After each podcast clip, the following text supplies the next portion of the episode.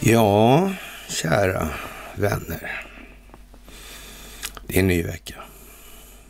Den förra veckan var dramatisk. Den här veckan blir ännu mer dramatiskt. Fantastiskt. Vad bygger det på? Vad handlar det om för någonting?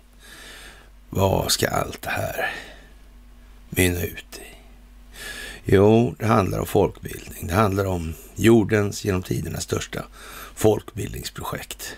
Det handlar om att förgöra den globala djupa staten. Det handlar om att människor ska förstå. Det handlar om att människor ska inse att människor ska få en bild av hur tillvaron ser ut i verkligheten. Det är det vi håller på med. Alla håller inte på med det. En hel del människor håller på med lite andra prylar skulle man kunna säga. Mm. Men eh, verkligheten är nu en gång vad den är. Och den är alltid nu. Och eh, vi skriver den eh, 28 februari 2022. Och det är den sista dagen i februari. Ja, och då är det en ny vecka. Och nya veckor börjar alltid med ett måndagsmys. Ja, så är det ju. Vilka konsekvenser, vilken utveckling, vilken dramatik. Men det klingar falskt på många håll. Det skorrar betänkligt. De ägardirektivstyrda opinionsbildningsmedierna. De har inte den där äh, malmklangen som vi på något vis mindes att de hade, men fast kanske egentligen aldrig hade det. Det var liksom bara det att vi hade inget annat att gå på.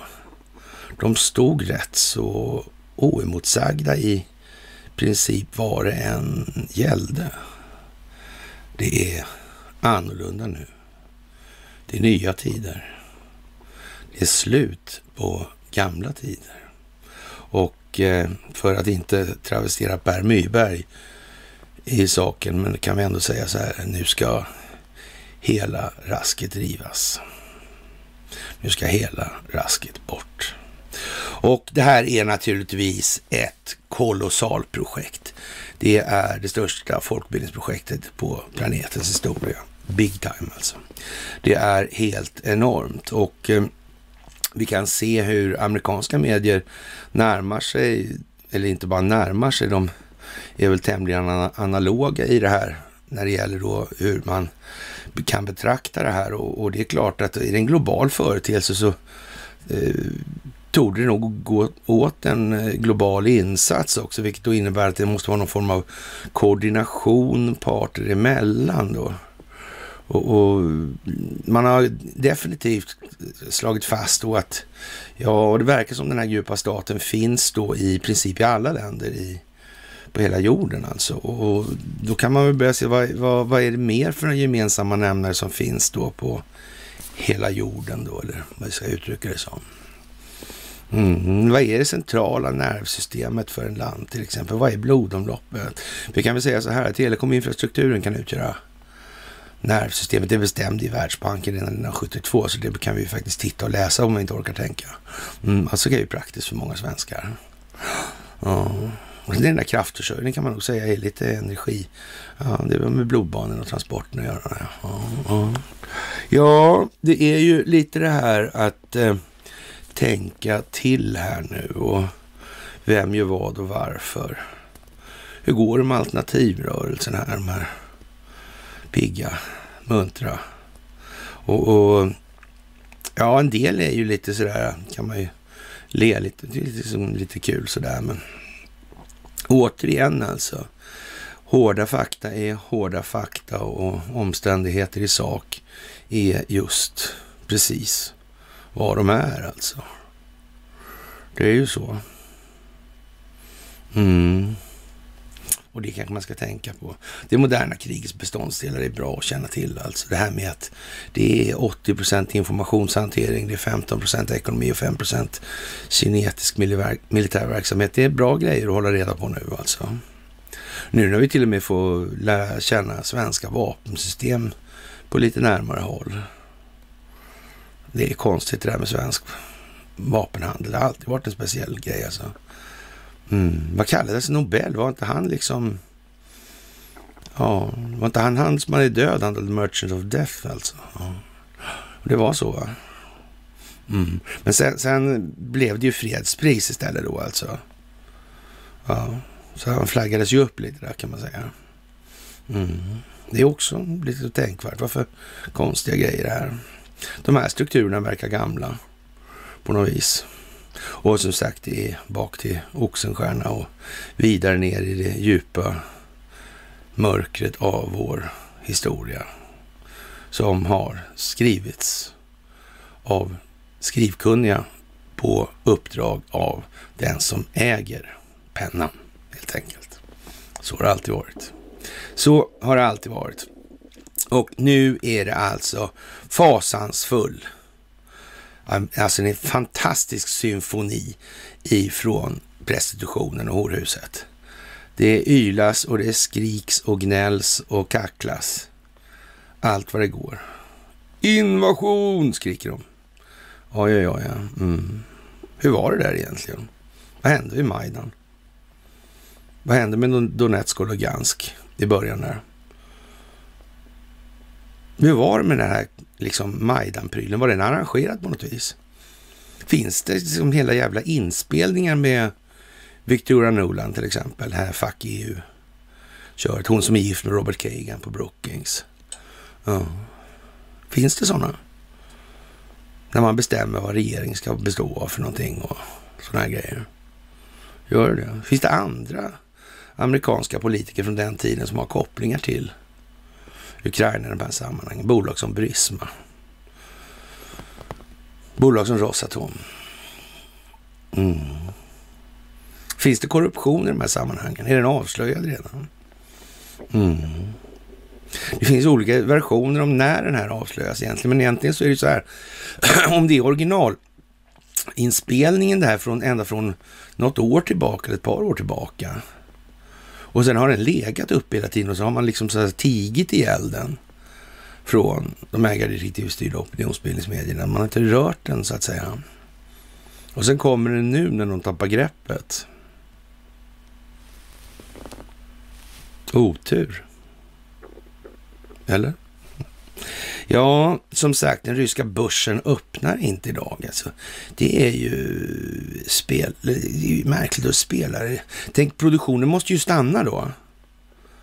Det slutar ju liksom att göra saker då om det inte aktierna handlas. Men, men eh, om produktionen eh, fungerar i alla fall liksom. Utan aktiehandeln. Konstigt. Det verkar ju märkligt.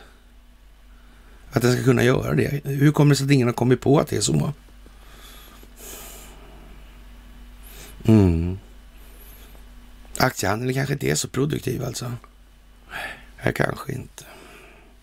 Ja, det är många myter i det här som naturligtvis måste avlivas. Och hur avlivar man då de här myterna? Jo, det gör man alltså genom att göra en bild. Skapa en optik. Att människor ser. Och hur gör Ryssland egentligen? Vad är det här för någonting? Det är ju märkligt att de kan hålla på som de gör alltså. Men, men om det nu var en gangsterrevolution då 2014 och Donetsk och Lugansk utropade sig, hade folkomröstningar utropat sig själva som självständiga. Blir det tal om en invasion då egentligen? Om de kallar på hjälp för de blir påskjutna? Det är väl ytterligt tveksamt i alla fall i den meningen. Hur är det med Ukrainas geografiska roll då, eller geografiska yta i förhållande till någon konstitutionell grund, alltså det, eller konstitutionell grund. Det är ju kanske en annan och ytterligare fråga man kanske måste ta hänsyn till i de här sammanhangen. Mm. Det finns en rad olika grejer. Om det är så att man håller på med verksamhet som till och med hotar det internationella samfundet i Ukraina. tillståndsplikt är sånt som man inte får hålla på med annars.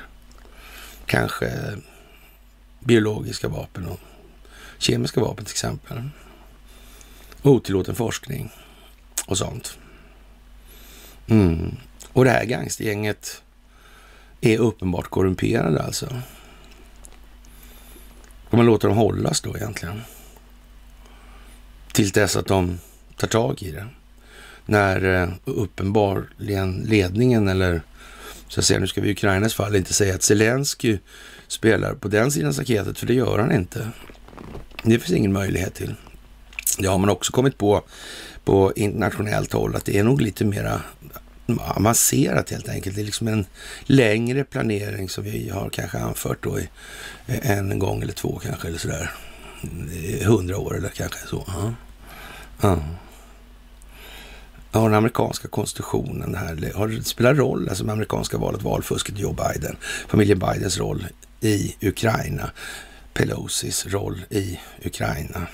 Pelosi kommer hamna under riksrätt för det här. Mm. Och det gör Biden och den andra valfuskhopparen också. Ja, men det här måste ha tid alltså. Det här tar lång tid. Det går inte så fort. Vi kan alla märka genom att betrakta vår omgivning. Att det här projektet gör man inte på en vecka eller två.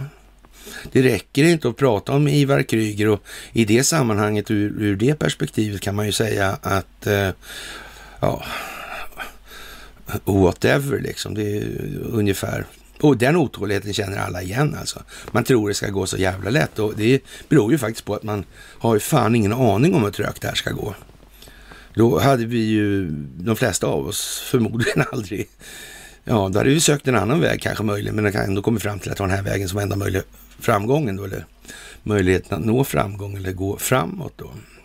Kan man ju tänka sig då kanske till exempel. Och Ja, det är naturligtvis ett evigt chatter nu i de här ägardirektivstyrda opinionsbildningsmedierna kring de här sakerna. Och vi har ju naturligtvis i Sverige då eh, som kärna i den här djupa staten en hel del med de här sakerna att göra. Så det finns de här stora bolagen som ja, finns på topplistan helt enkelt. De är liksom, har gul tröja på sig. De här, alltså ledartröjan, när det gäller korruption internationellt. Till exempel Ericsson och Telia och ABB och de här. Det är ju satt i system. Det är det. Sverige har ju inte de mest korrumperade globala företagen på planeten och har lyckats korrumpera regeringar runt hela planeten, statsförvaltningar, tjänstemän, överallt. Och sen har man inte gjort något på hemmaplan. Där är det liksom, där är det ordning och reda. Aha. och att halva Mellanösters registerband där då på något vis eh, har svenskt medborgarskap, det är ju inget konstigt alls. Det är ju fullkomligt naturligt. Mm -hmm. Mm. Och att de här då bolagen som har hand om det centrala nervsystemet och blodomloppet i de här respektive länderna råkar komma från Sverige. Det har, det har, inte, med, har inte med saken att göra whatsoever alltså. Och, och de håller ju på då med informationshantering och kraftförsörjning som dessutom är en förutsättning för den här informationshanteringen. Mm. Ja, det är ju konstigt alltså att det kunde bli så där bara. Jävla tur på något vis. Och tur är ju då trots allt när omständigheter kommer till förberedelse. Så hur man än vänder och vrider på det så verkar man få arslet bak alltså. Lite grann åt det hållet kanske. Kan det vara så? Det kan vara så. Det är så dessutom. Och för att mota Olle in i de här sammanhangen så har vi då en sån här ett institution mot, en institution mot muter, alltså ett institut mot muter då. Och där har vi en muslim nu och det kan man väl säga så här, ja, om det är någon som ska ha någon som helst jävla förståelse för vad det här gänget har hållit på med internationellt alltså då måste det ju vara någon som har kanske fördjupningar, kontakter, känningar i eller ur ett vidare perspektiv än det ganska snäva, korta, raka, enkla svenska. Det kanske måste vara så. Det är kanske rimligt att tro att en sån människa har en, en, en större vidsynthet i de här sammanhangen. Och givet då att man har jämbördiga säga, kompetenser i övrigt alltså. Så får man nog säga att det är nog vad det här landet behöver. Vi behöver inte mer av det vi så att säga har mest av. Här. det. här, det är anledningen till att vi har hamnat där vi har hamnat. Det, det är liksom inget annat. Det är inte... Det är vår, så att säga, själsliga disposition som kommer till uttryck i vår egen situation just nu helt enkelt. Mm. Det handlar om våra känslor, grundande värderingar i vanlig ordning. Det handlar om att vi inte förmår släppa de här i en tillräcklig omfattning. Vi blir kvar på samma utvecklingsriktning. Längs den rälsen tuffar vi på. Vi måste bryta. Vi måste bryta. Det är bara så. Det här institutet mot mutor har konstaterat att det går ju lite sådär alltså med utvecklingsarbetet. Det blir rätt många mer ertappade och rätt mycket högre belopp alltså. Under sista året, eller 2021 då. Det är konstigt. Kan det ha med informationsrörlighetsriktningen att göra? Mm. För trots allt är det ju så här att om man ska komma till rätta med det här problemet då måste det koordineras länder emellan. Det här måste koordineras mellan Kina, Ryssland, USA, Iran, Turkiet och så vidare. I vårt svenska fall så kan vi nog tyvärr konstatera att här har det funnits lite för länge. Här är inte flygfärdigheten särskilt utvecklad i den meningen. Det är ju inte jättemycket jurister som har ställt sig upp och sagt någonting och det är ju liksom inte dags för det nu. Alltså det här är ju, är ju ingenting som är nytt om vi säger som så nu. Det började på, ja, för ett halvt millennium sedan. Och, och, det är inte dags att komma, men det är nu att det har blivit så sista veckan. Det, nej, det kommer inte fungera. Alltså. Det bär inte streck och därför är det knäpptyst helt enkelt. Journalisterna, nu till exempel, börjar de upptäcka det här med Ericsson. Ja, jag vet inte fan alltså. Nej, det vet fan. Det är klart att det är vi under ett visst tång så är de tvungna nu alltså, men med någon trovärdighet på liksom, moralisk resning, Nej, det är inte helt säkert att det går hem alltså. Det, nej, det går inte klart. Det gör det inte. Tyvärr alltså. Och, ja, och alla de alternativa medierna som inte kommer de inte kommer upp på banan ens. Det vet jag inte riktigt vad man ska säga om egentligen. Det är lite kul sådär alltså, men ja, det moderna kriget är ju vad det är liksom. Och, ja, vi får väl se helt enkelt. Och eh, den här Zelensky är ju en rätt kul kille annars i Ukraina, det får man ju ändå säga. Och han har uttryckt sig så här nu att eh, Ukraina har visat för världen vilka vi är, sa presidenten. Och europeer inser att våra soldater kämpar för vår nation och även för hela Europas för fred för alla, för varje nation i EU. De uppoffringar som gjorts av Ukraina ger landet all rätt att kräva en plats i EU, sa Zelensky och tillade att hans nation skulle kunna accepteras i unionen omedelbart under ett nytt nödförfarande. Mm, det kan man, så kan det väl kanske möjligen vara, men det är väl det att det kanske inte är EU så pigga på för att eh, Alltså ukrainska statsobligationer vet jag inte om.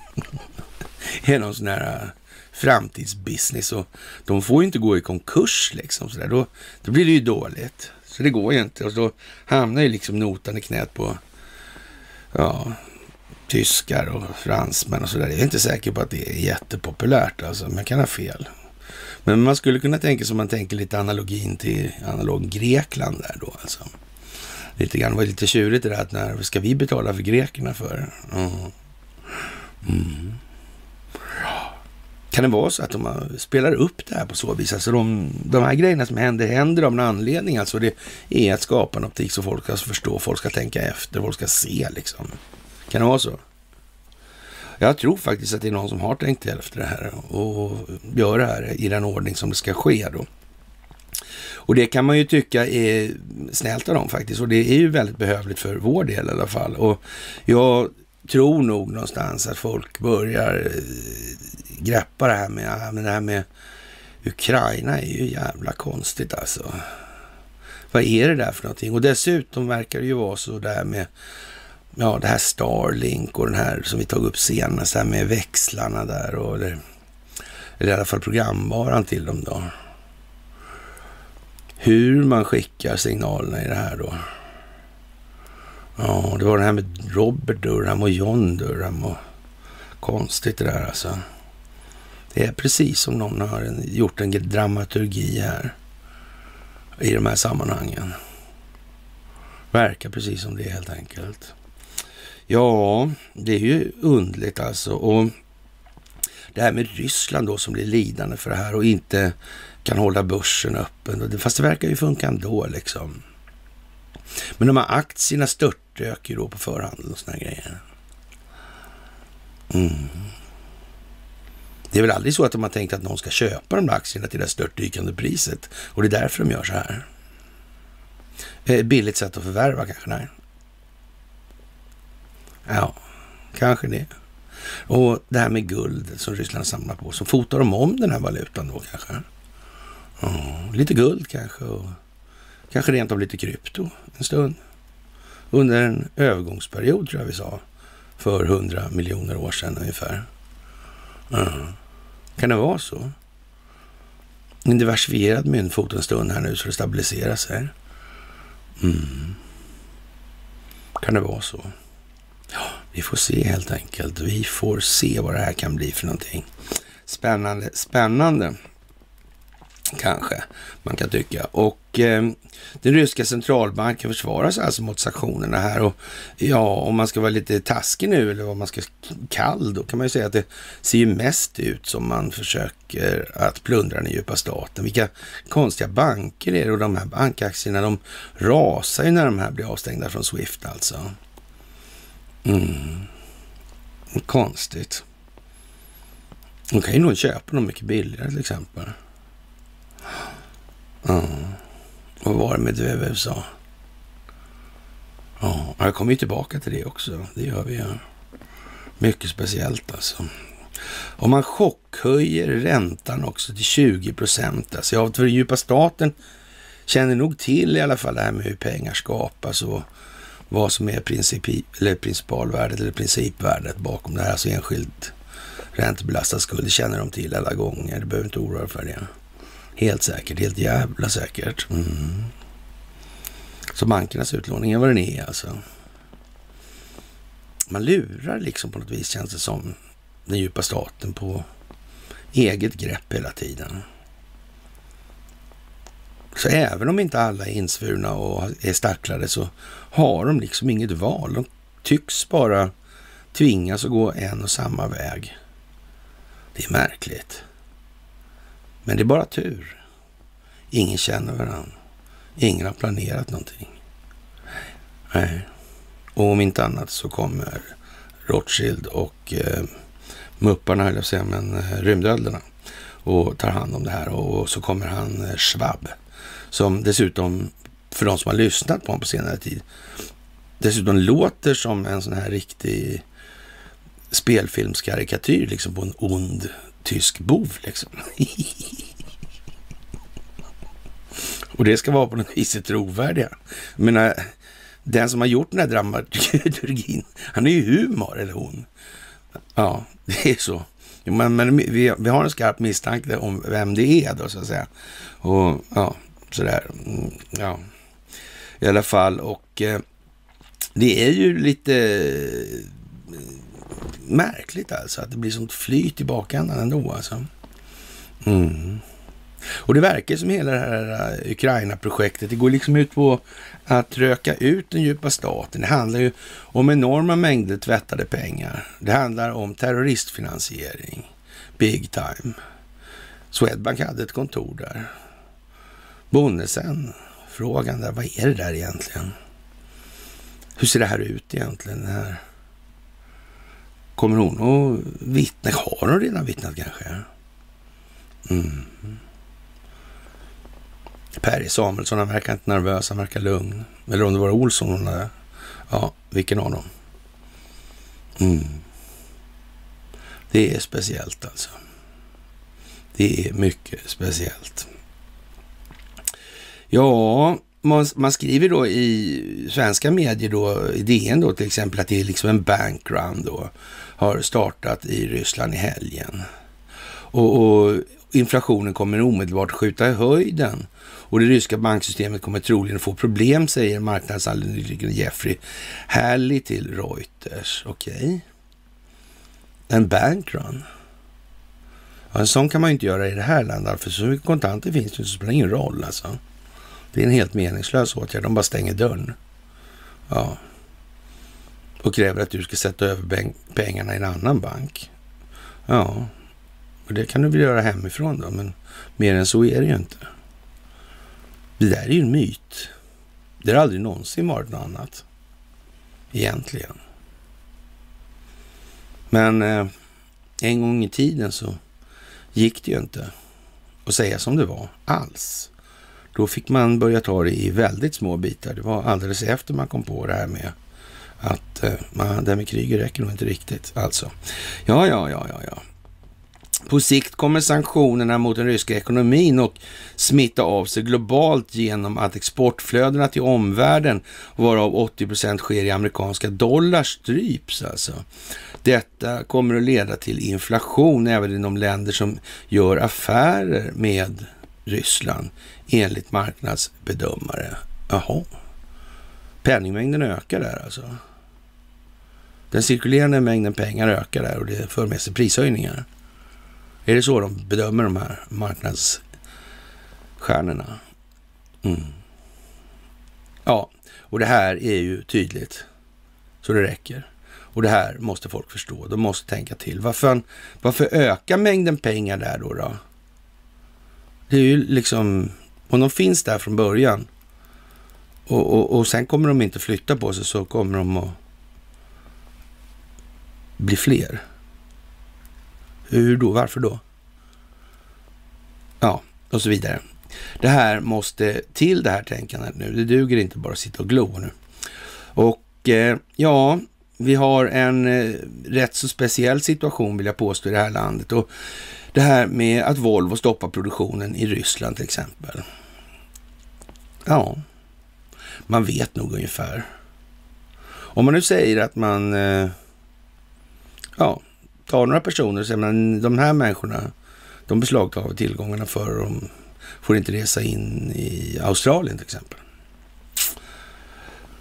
Ja, då blir det något symmetriskt svar där då, eller möjligen asymmetriskt, men det blir svar i alla fall. Vem kommer det att gynna? Egentligen. Vem kommer att äga den där Volvo, Volvofabriken vad det lider? Mm. Det är inte planerat. Nej, det är det nog inte, nej. Och eh, ja, vad ska vi säga om, om egentligen alltså? Vi brukar ju ta upp den här, vad heter Michael Armstrong va? Och eh, det är ju lite sådär, det är ju mest för att visa att det, det är ju inte riktigt sådär, äh, ja, det, håll, det håller liksom inte ihop. Va? Men frågan är ju då, som vi diskuterade förra gången här, att hur, hur ser det ut liksom egentligen? Är det liksom att han begriper han inte bättre eller är det ett anslag till vilseledning vi ser framför oss egentligen? Vilket det är. Det är svårt att bedöma liksom, men eh, det är ju inte vad det borde vara. Det är alldeles uppenbart alltså. Det är alldeles uppenbart alltså. Och eh, många av de här sakerna är ju speciella. Vitryssland har röstat för att ändra sin grundlag och kunna använda kärnvapen. Ja, det är väl självklart att de gör det. Och, och väst kommer ju tycka det är toppen naturligtvis. Det, det, det, är ju inte så att ja, man som är i Svenska Dagbladet, de här tidningarna då, eller Dagens Nyheter, eller om det var Omni, jag kommer inte ihåg, men man skriver då liksom att nej, men det är ett B-gäng alltså i, i Vitryssland, det är ingenting. Och, och, och helt liksom, ja, renons på idén om att, eh, nej men kanske eh, han tänker nog kanske inte ens köra ut sina gamla kärnvapen ur någon jävla hangar, liksom, utan han låter någon annan ställa dit sina istället. Och dessutom då integrera de här i det redan stora system som de faktiskt har av luftrumsskydd och så vidare. Det skulle ju kunna vara så i alla fall, men nej, det skiter sig lite i analysen där också av någon anledning. Det är konstigt. Hur kommer det sig? Det måste ju bero på någonting. Eller hur? Mm, speciellt, speciellt alltså. Och ja, och som sagt, den västerländska pressen är så inkompetent att den är så uppe på demokraternas sida så de kommer aldrig att se vad de gör egentligen och det enda de gör är att blåsa upp krigets lågor och jag vet inte om man får vara så naiv alltså om man ska skriva analyser. Det verkar konstigt alltså. Och, och det ligger som sagt, som jag sagt flera gånger, det ligger ju ingen fördel i att underskatta motståndaren alltså motståndarsförmågor. Det, det, det ligger inget plus i det. Det är mer sällan negativt alltså. Eller ja, så att säga. Man kan säga att det är 100 procent av gångerna man underskattar motståndaren så är det en nackdel. Man har liksom aldrig något plus för det. Ja, och Eh, i Ukraina har vi en komiker som delar ut AK47 och säger åt folket att skjuta ryska yrkessoldater. Det finns människor som inte är utbildade och han förvandlar dem till mål för ryska trupper. Ja, men det var ju det. Vad är det där med de ryska trupperna? Vad gör de någonting? Vad visar de här bilderna nu? Nu tog vi inte upp det, jag glömde det, men eh, det här med Starlink till exempel. Har ni kanske sett att det finns sådana här 24-7-kameror nu runt om överallt? På, eller överallt, men på många platser i Ukraina. Varför gör det, gör det för? Mm. Och så har de den där eh, Robert eh, Durhams program där och licenserna på dem, det programmet då. Den här uppbyggnaden med Palantir, alltså Robert Thiel. Eller Thiel heter han va? Ja, Peter Thiel heter han. Ja. Det är konstigt. Men det är ju ända bak tid på 90-talet. Jag, men jag har berättat om det här med... Jag försökte ta namnet en gång, men det gick inte. Men det var mycket tid och pengar på det där alltså. Nej, PRV tvärnitade i början på 90-talet om det där. Det var inte upptaget alltså. Det blev bara konstigheter av alltihopa. Och eh, ja, när jag började sedermera blogga då, då så ja, då fick det bli TH istället då. På, så. Av den anledningen. Det kom lite, jag, och det kom en annan konstig gubbe också. Han hade ju massa synpunkter på allt jag gjorde hela tiden alltså. Och hotade med massor med saker Gjorde han. Mm. Han hette Ingvar. Mm. ja. Han satt på en firma som hette FRA. Ja, han hette Åkesson i efternamn också. Han hade flagga som eh, avatar, svensk flagga, som avatar på Aftonbladet-bloggen på den tiden vi höll på där och huserade. Mm. Han var inte så förtjust. var han inte. Jag undrar varför. Ja, eller det gjorde han väl inte kanske. Kan man kanske inte säga. Jaha, och eh, det här med att Turkiet ska förhindra ryska fartyg. Det här är ju lite komiskt också. Det står ju liksom så i, i svenska medier nu. Och i amerikanska medier också. Men som vi sa, om de är hemmahörande i en bas in i Svarta havet, då är det så. Då ska de släppa igenom, sig i Turkiet. Men de vinklar, de ljuger rakt av, helt flagrant. Det är öppna lögner. Det är öppen, klar optik. Det är självklart för den som orkar se efter och tänka efter det allra minsta. Det räcker ju med att se att det står så här. Nej, de, kan, eller kan förhindra ryssarna att komma in i Svarta havet, står det då. Ja. Men vänta nu, jag kommer ihåg, jag läste någonstans att det var faktiskt så att de kunde ju inte hindra de fartyg som hade hemmabas på Krim. Det sa ju turkarna själva. Och så kan man ju slå upp det då. Titta, men han, de ljuger ju. Rakt av, 180 grader. Konstigt det här med covid. Då har de ljugit hela tiden om allting. Alla medier i princip. Det köper alla nu. Men de måste ha dragit en lättnadens suck, faktiskt. Nu kan vi sluta ljuga om det där, för nu kommer ju det här tacksamma kriget. Då kan vi hålla oss i sanningen. Sa alla ägardirektiv och styrda opinionsbildningsmedier samfällt med en lättnadens suck. Eller? Jag är inte säker på att det var så ändå. Alltså. Kanske inte. Kanske alltihopa är ett långsiktigt projekt. Strategiskt planerat för väldigt, väldigt lång tid sedan. Och nu när vi snackar det här med Palantir och sådana grejer. Då är vi nere på 90-talet. Nu har vi passerat krig mot terrorismen och allt det här. Vi har passerat Obama-administrationen. Ja, det är konstigt här. Det verkar ha varit länge här. Mm. Faktiskt. Mm. Det är en speciell situation med andra ord det här och jag vet inte, vad ska vi säga? Till och med Biden alltså eh, som utnämner en svart kvinna till högsta domstolen, inte för hon är kvalificerad utan för att hon är svart och kvinna.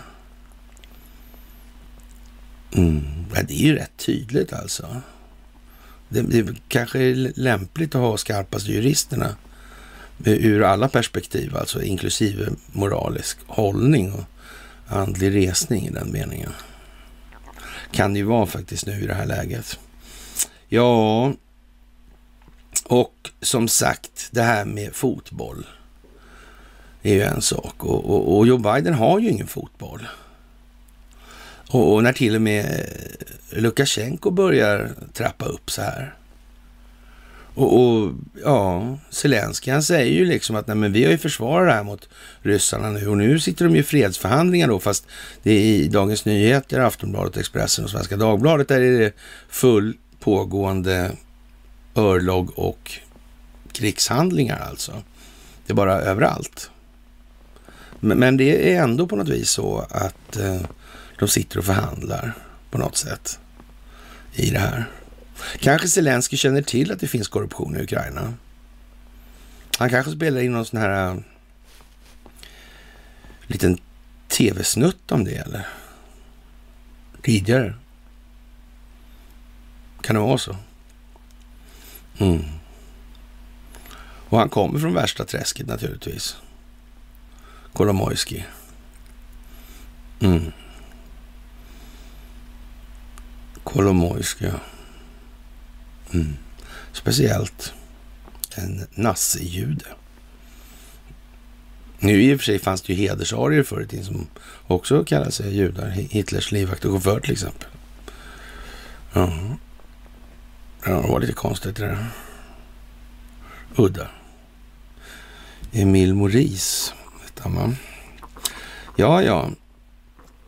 Det är jävligt speciellt kort sagt det här nu och vi har en enormt spännande framtid att se fram emot. Och eh, Facebook eh, varnar nu alltså för, eller ryska, Ryssland varnar då på ryska Facebook-sidor alltså och eh, översatt till svenska då. Kära medborgare i Ryssland boende i Sverige med tanke på pågående planerade aktioner av antirysk natur de kommande dagarna finns risken, är risken stor för provokationer och hot mot ryssarnas hälsa och säkerhet och från aggressiva parter då alltså. Och man varnar alltså för det här. Men det är ju trots allt så att nu är det inte så aktierna på Facebook, de är väl ingen höjdare heller riktigt, jag för mig.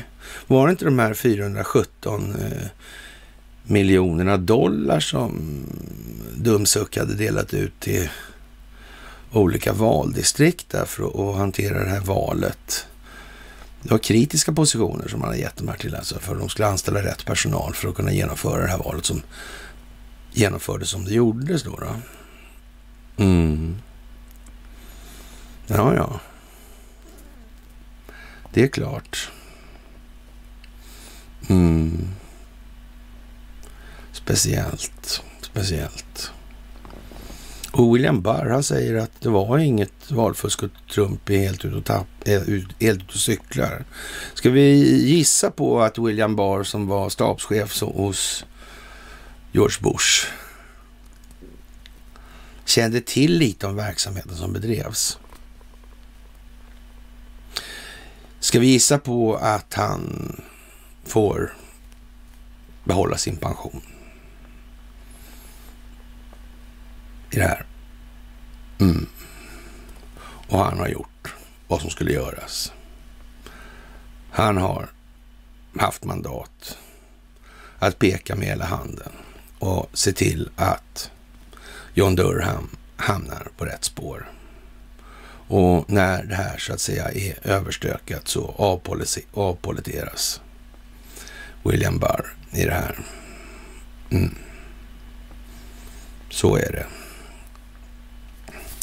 Och eh, ja, han har alltså sålt ut tillräckligt i det här. Alldeles säkert är det så. Jaha, och eh, licenser och kablar som leder till den som kontrollerar telekominfrastrukturen alltså. Och eh, det här är ju en eh, evig fråga. Det kommer ju tillbaka till det och vi har tjatat om det längst av alla på den här planeten, helt garanterat. Och det är ju fortfarande knappt någon som pratar om det här i Ericsson-sammanhang fast de sitter i den här skitsoppan med IS. Och, och ja, det är ju liksom, det är någonting som bara blir lite otur och såna här grejer fortfarande i medierna. Det finns liksom inget, inget driv för att se, men fan kan det inte vara större också dessutom då? Jag menar, det här kan ju sträcka sig hur långt bak som helst historiskt. Och så vidare. Det här kan ju vara någonting som är själva strukturen, fundamentet. Det som utgör kärnan i vårt svenska samhället, det som vi har, är så bra kultur som vi ska bevara. Det är bara det att har man inte fattat det än, att det ska inte bevaras. Det ska inte bevaras. Det ska inte bevaras. Det spelar ingen roll om man lägger intonationen.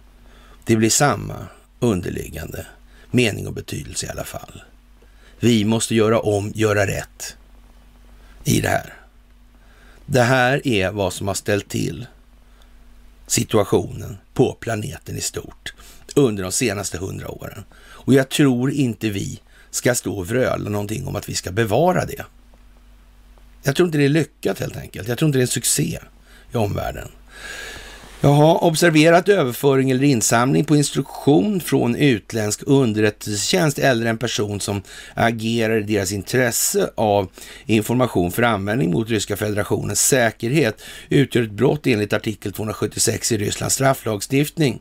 Spionage och är straffbart med fängelse upp till 20 år, konstaterar FSB när Rum Rumänien har då blockerat RT Mm. Och Facebook sådär vad vi där med. De har hållit på med metadatainsamling, ja precis ja. ja. Det har de gjort på ryssar också. Mm. Det har de gjort på ryssar också ja. Mm. Och var ligger den Facebook-servern? Står det några sådana i, i, någonstans som vi känner till? Ja, ett ställe känner de flesta till. Det är i Sverige va? Uh-uh. Var var det någonstans? Då? Norrland någonstans? Var det Maud som hade riggat det där va? Ja, hon med Jennifer Granholm. Eh, energiminister i USA. För hon har med ABB att göra också förresten. Apropå ingenting. Kanske det hänger ihop? Inte? Nej, nej, nej. Nej, det kan det inte göra för då skulle tidningarna ha sagt någonting. Mm.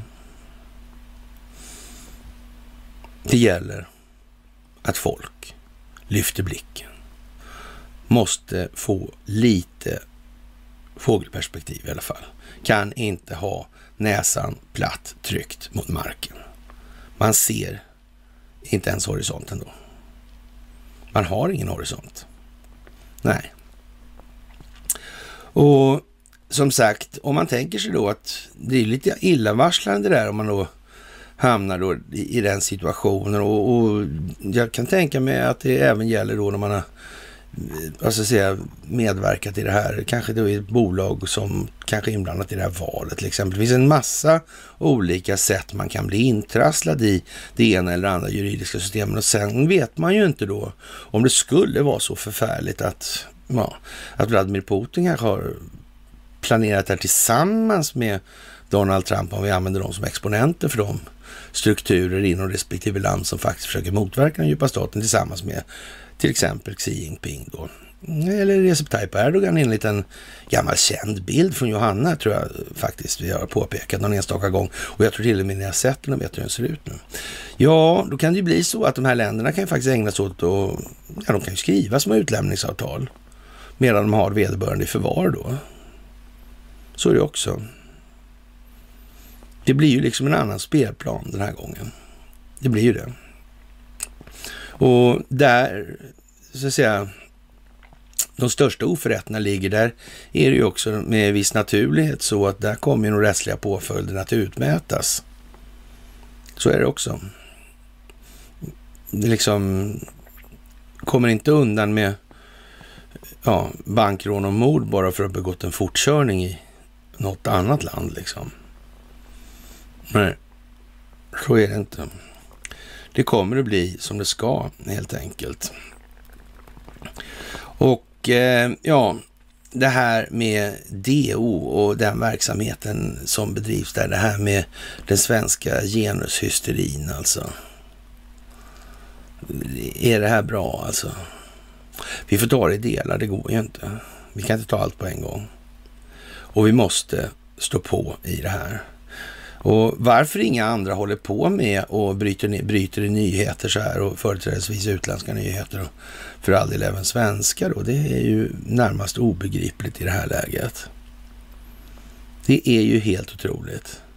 Och som sagt, man visste om att techgästarna måste blandas in i det här. Man måste ha ett fast grepp om Jallarhornet, det här som i Bröderna Lejonhjärta symboliseras av Tengilshorn och ja, som släpper loss den här jävla draken då, då och så vidare.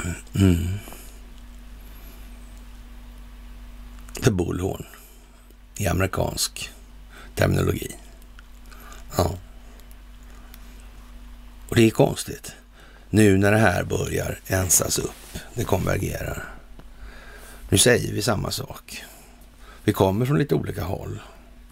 Vi har en lite så att säga spetsigare syn på vad det handlar om för några individer, bolag, deras här bolagen och individernas historik och så vidare. Men det är som till en följd av att de kommer härifrån. Och då blir det ju så. Det går som sagt inte för amerikaner i den meningen. och det är heller inget nödvändigt för dem, för det det är ingen anledning att de känner till det ens förrän på slutet då. Det, det behövs ju inte. Det är ju vi som måste veta vad de är, därför vi sitter ju i närheten. Det är ju så. De måste ju så att säga i sin ja, i sitt strategiska handlande måste de så att säga se till att rörelsefriheten begränsas. Det är ju det de måste göra. Men såklart att man känner ju till det eftersom man vet vad man ska va, längs den här planeringen. Det är ju så också. Det är ju bra att komma ihåg det här nu. Och som sagt, Wallenberg i fokus. Och eh, det, nu är det ju frågan då, hur, hur kunde då styrelsen för Ericsson bomma det här då? Med, med IS och så vidare. Hur gick det egentligen till? Och ja, det, det, det är ju inte så lätt att förstå alltså. Om det inte är extremt jävla illa och man faktiskt gjorde det med deras goda minne alltså. Och det här har varit systematiserat hela vägen. Men lyckas man verkligen bli jordens mest korrumperade globalistföretag utan att det är medvetet vad man håller på med? Det är liksom någonstans nere på någon sketen tjänstemannanivå man bestämmer att man kan hysta ut och ja, tiotals miljoner kronor hit och dit bara. Det, det, är bara så. Eller möjligen är det ju inte så, eller möjligen är det på något annat vis. Ja, det kan ju vara så faktiskt, något annat vis. Och ja, det tar väl inte så, säga, så lång tid så börjar det väl så att säga blomma det här lite grann. Och då får vi väl se vad folk tycker eller inte tycker. Man har mutat vad som går att muta med andra ord och eh, ja, det här med NATOs expansion, det är ju liksom helt eh, jättekonstigt. Och, men det, det är ju samtidigt en konsekvens av att man måste ha ekonomin igång. Och, och då måste man ha ett antal komponenter. Man måste till exempel ha krig då för att kunna sköta det här tillväxtkravet. Det är ju det. Och, och man måste ha alltså en offentlig kons konsumtion då. Och så vidare. Och det här har sin grund i hur det valutafinansiella systemet ser ut. Och sen är den positiva effekten för den djupa statens vidkommande att då får man ju också någon form av grepp om de här strategiska naturresursflödena i den meningen. Och då kan man exploatera den vägen också. Mm. Så det här är ju liksom vad man kan kalla för ett ganska banalt spel egentligen.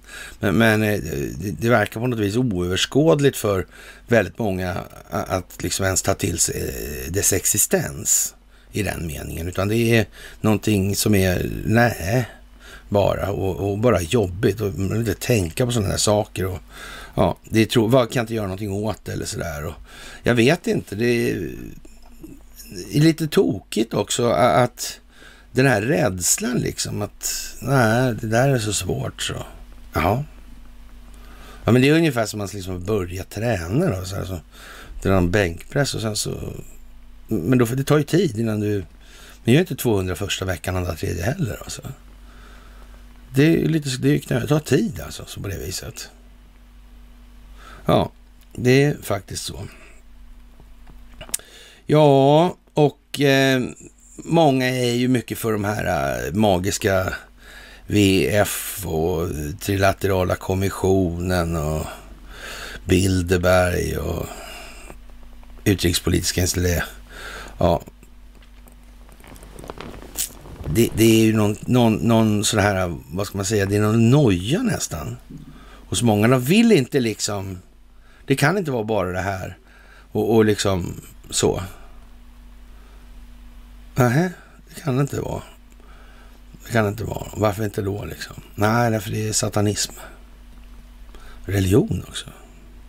Ja, jag vet inte faktiskt. Det är ju sådär. Och eh, ja, som sagt, många tycker många saker nu och det är som det är med de flesta av de sakerna. Och hur blir det egentligen med energipriserna här nu? Och vad är energipriserna? Varför ökar de? Och varför tar inte vi oljan bara från Norge? Då minskar ju alla jävla transportgrejer och så vidare. Hur, hur kommer det där sig? Egentligen. Jag menar, och det här med elen. Varför säljer Sverige el? Och där är priset högre. Så det drar upp priset för svenskarna. Varför är det så? Ska vi betala för det alltså? Och, och det, är bo, det är bolagsvinsterna som är prioritet alltså. Det verkar jätterimligt. Mm. Men i det här systemet så är det så det måste gå till det här systemets valutafinansiella del, alltså den inneboende karaktären och systemet, i det, karaktären och naturen i det här, alltså mekaniken då. Det är vad det är och därför måste det bli så här. Det har alltid varit helt givet hur den här ut, utvecklingen skulle komma att se ut. Det kunde aldrig någonsin ha blivit någonting annat. Whatsoever. Inte en chans. Det skulle bli skuldmättat. Det visste man redan när man införde det. 1931. Man visste allt det här redan då. Och ja, och sen har det bara rullat på helt enkelt. Och olika utspel sker på grund av olika förutsättningar i det här. Vägvalen har i stort alltid varit givna. Alltså, ska man i ett väderstreck, då får man se till att köra dit också i huvudsak. Annars kommer man fel. Så. Och nu är vi vid vägs ände. Det finns ingen akut risk för gas, el eller drivmedel i Sverige som är följd av Rysslands invasion av Ukraina, säger finansminister Mikael Damberg, Socialdemokraterna, på en pressträff om konsekvenserna för svensk ekonomi. Alltså, och han påstår att den är i låg grad beroende av Ryssland. Ja, men återigen, här handlar ju också om Ja, det handlar ju om marknader alltså. Mm, och de verkar ju inte reagera på det. Det liksom styrs ju inte av efterfrågan på eh, eller det svenska energibehovet på det sättet. Det verkar ju vara så att det är utländska energibehov som till stora delar påverkar det här. Det är ju konstigt. Mm. Men nu är det slut. Nu är det slut med det här. Och det kommer att bli väldigt speciellt nu. Och vi får väl se hur rörigt det kommer bli.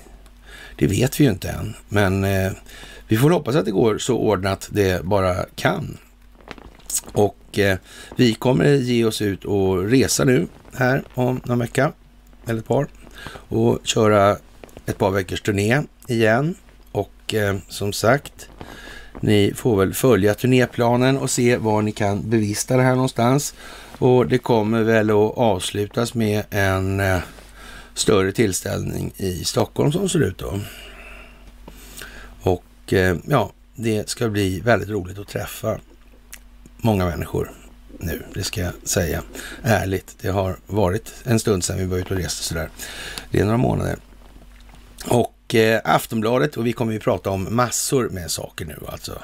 Och det kommer att bli lite uptempo också i det här för att ta det här så långt fram vi nu behöver ta det vid den tiden alltså. Och, och, nu kommer det gå mycket snabbare i utvecklingen. Och nu gäller det att hänga med på många av de här sakerna. Då får man, det kan inte fastna liksom på att förklara hur pengar skapas genom att bankerna gör lån och så vidare. Nu kommer ju så att säga självklarhetsnivåerna de kommer att höjas lite helt enkelt för att det här ska kunna tas framåt. Och det är det som är lite av skillnaden på oss och andra, att vi så att säga, vi skapar ledare i huvudsak. Det är vad vi gör helt enkelt. Ledare skapar ledare och det är vad vi gör. Och, och, och inte så mycket annat. Nu är det liksom, ja, det andra får ta vid bakom liksom egentligen. Så kan vi säga. Vi gör det vi ska i den meningen. Och när Aftonbladet frågar varför, ställer sig frågan då varför är det krig i, Ura, eh, i Ukraina och Aftonbladet sen förklarar och man, man kan ju säga att eh, läm, det lämnar en del övrigt att önska helt enkelt. Vad är grunderna för det här? Vem var din Victoria Nolan? Vad gjorde Carl Bildt? Vad gjorde Dan Eliasson? Vad gjorde Göran Persson? Vad, hur har det sett ut med mutor i de här sammanhangen? Var Petro Poroshenko någon sån lirare? Hur var det med eh, alla de här amerikanska politikerna och deras söner i princip allihopa. Det känns ju som att det liksom är rena, någon har ju satt dem där med flit för att kunna nita dem sen alltså. Det måste nästan vara så, får man ju intrycket av, rent utav. Sådär. Så att det, det, är ju mycket, mycket noga planerat det här och det är inte alls sådär vanskligt på det viset, utan det här, man vet ju med rätt så stor säkerhet i alla fall att Donald Trump kommer tillbaka innan och det ser väl ut som han har haft fyra år och han kommer få två år till och sen får han fyra år till då, till exempel. Och, och hur, exakt hur det där går till har vi pratat om tidigare, men och, om det blir då via talmanshistorien eller om det blir backning, det, det återstår väl kanske att se. Men det blir valfusk för de här två gökarna som eh, residerar nu då. En opresidentielle och hans vice då. då. Det, det, kan man väl i alla fall konstatera. Och frågan är ju då liksom någonstans hur, hur eh, ja, det här är så stort folkbildningsprojekt helt enkelt. Så det, och de här grejerna måste ju tas med. Alltså vad gör vi under tiden? Sitter vi och rullar tummarna där, då kan vi väl räkna med att då kommer det dröja innan det här slår in här. Och när det väl slår in här, då vill det fan till att vi står med någon form av beredskap ur ett medvetet medvetande perspektiv. Vi kan liksom inte stå som tappade fallna från skyarna allihopa, det går inte. Det måste vara tillräckligt många som förstår tillräckligt mycket för att det här ska kunna gå vidare framåt. Mm. Och som sagt, det är ett trist läge för det här landet nu. Det är ju bara så. In i kaklet med Magda då och det slog mig faktiskt i morse ganska tidigt där vid halv fem-tiden eh, att eh, ja, ändå alltså. Det är ju det där när hon säger, ja du tillhör de där ja. Ja, ja, det har jag svarat på. Du kan gå in på den här sidan. Kolla på Youtube Magdalena Andersson och så kollar du fri. Ja, en jävla konstig grej att säga alltså. Mm. Ja, vem vet alltså. Man kan väl säga så här, socialdemokratin och de amerikanska demokraterna, de går väl hand i hand ungefär till samma ställe där det luktar vitriol. Så ser det ut, ja. Men det behöver inte gälla individer. Partierna är ju vad de är. Vi ser att Talse Gabbard kommer tillbaka i blickfånget. Bättre verserad. Snyggare retorik. Mm. Snyggare hela hon, till och med. Fantastiskt. Mm. Det är mycket eh, genomtänkt. Mycket, mycket planerat. Mm. Det kanske är så illa att det måste räddas de delar som räddas kan. Man kanske måste göra som Kajsa Warg sa. Man får ta vad man har. Mm. Så kan det vara också. Och några kan ju ha hjälpt till. Man behöver ju inte ha vara fullständigt bortskjuten i det där. Nej. Och någon måste ju ha kännedom om insidan i en tillräcklig ut, ut, eller utsträckning och omfattning. För att inte alla ska behöva uppfinna hjulet en gång till. Så är det också. Mm. Det är bra att tänka på det nu. Alla som är så pigga på makt. Mm. Det kommer att avslöja sig på sekunden vem som är var och varför i det här.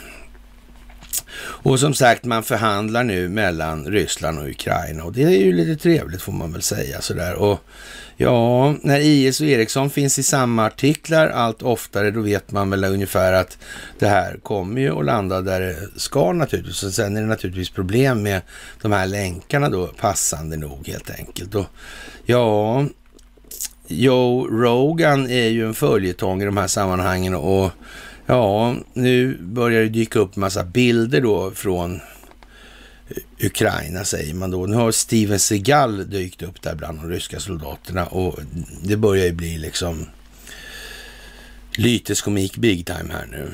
Mm. Och, och, det handlar ju om att exponera medierna för vad de är i det här sammanhanget. Och ingenting annat.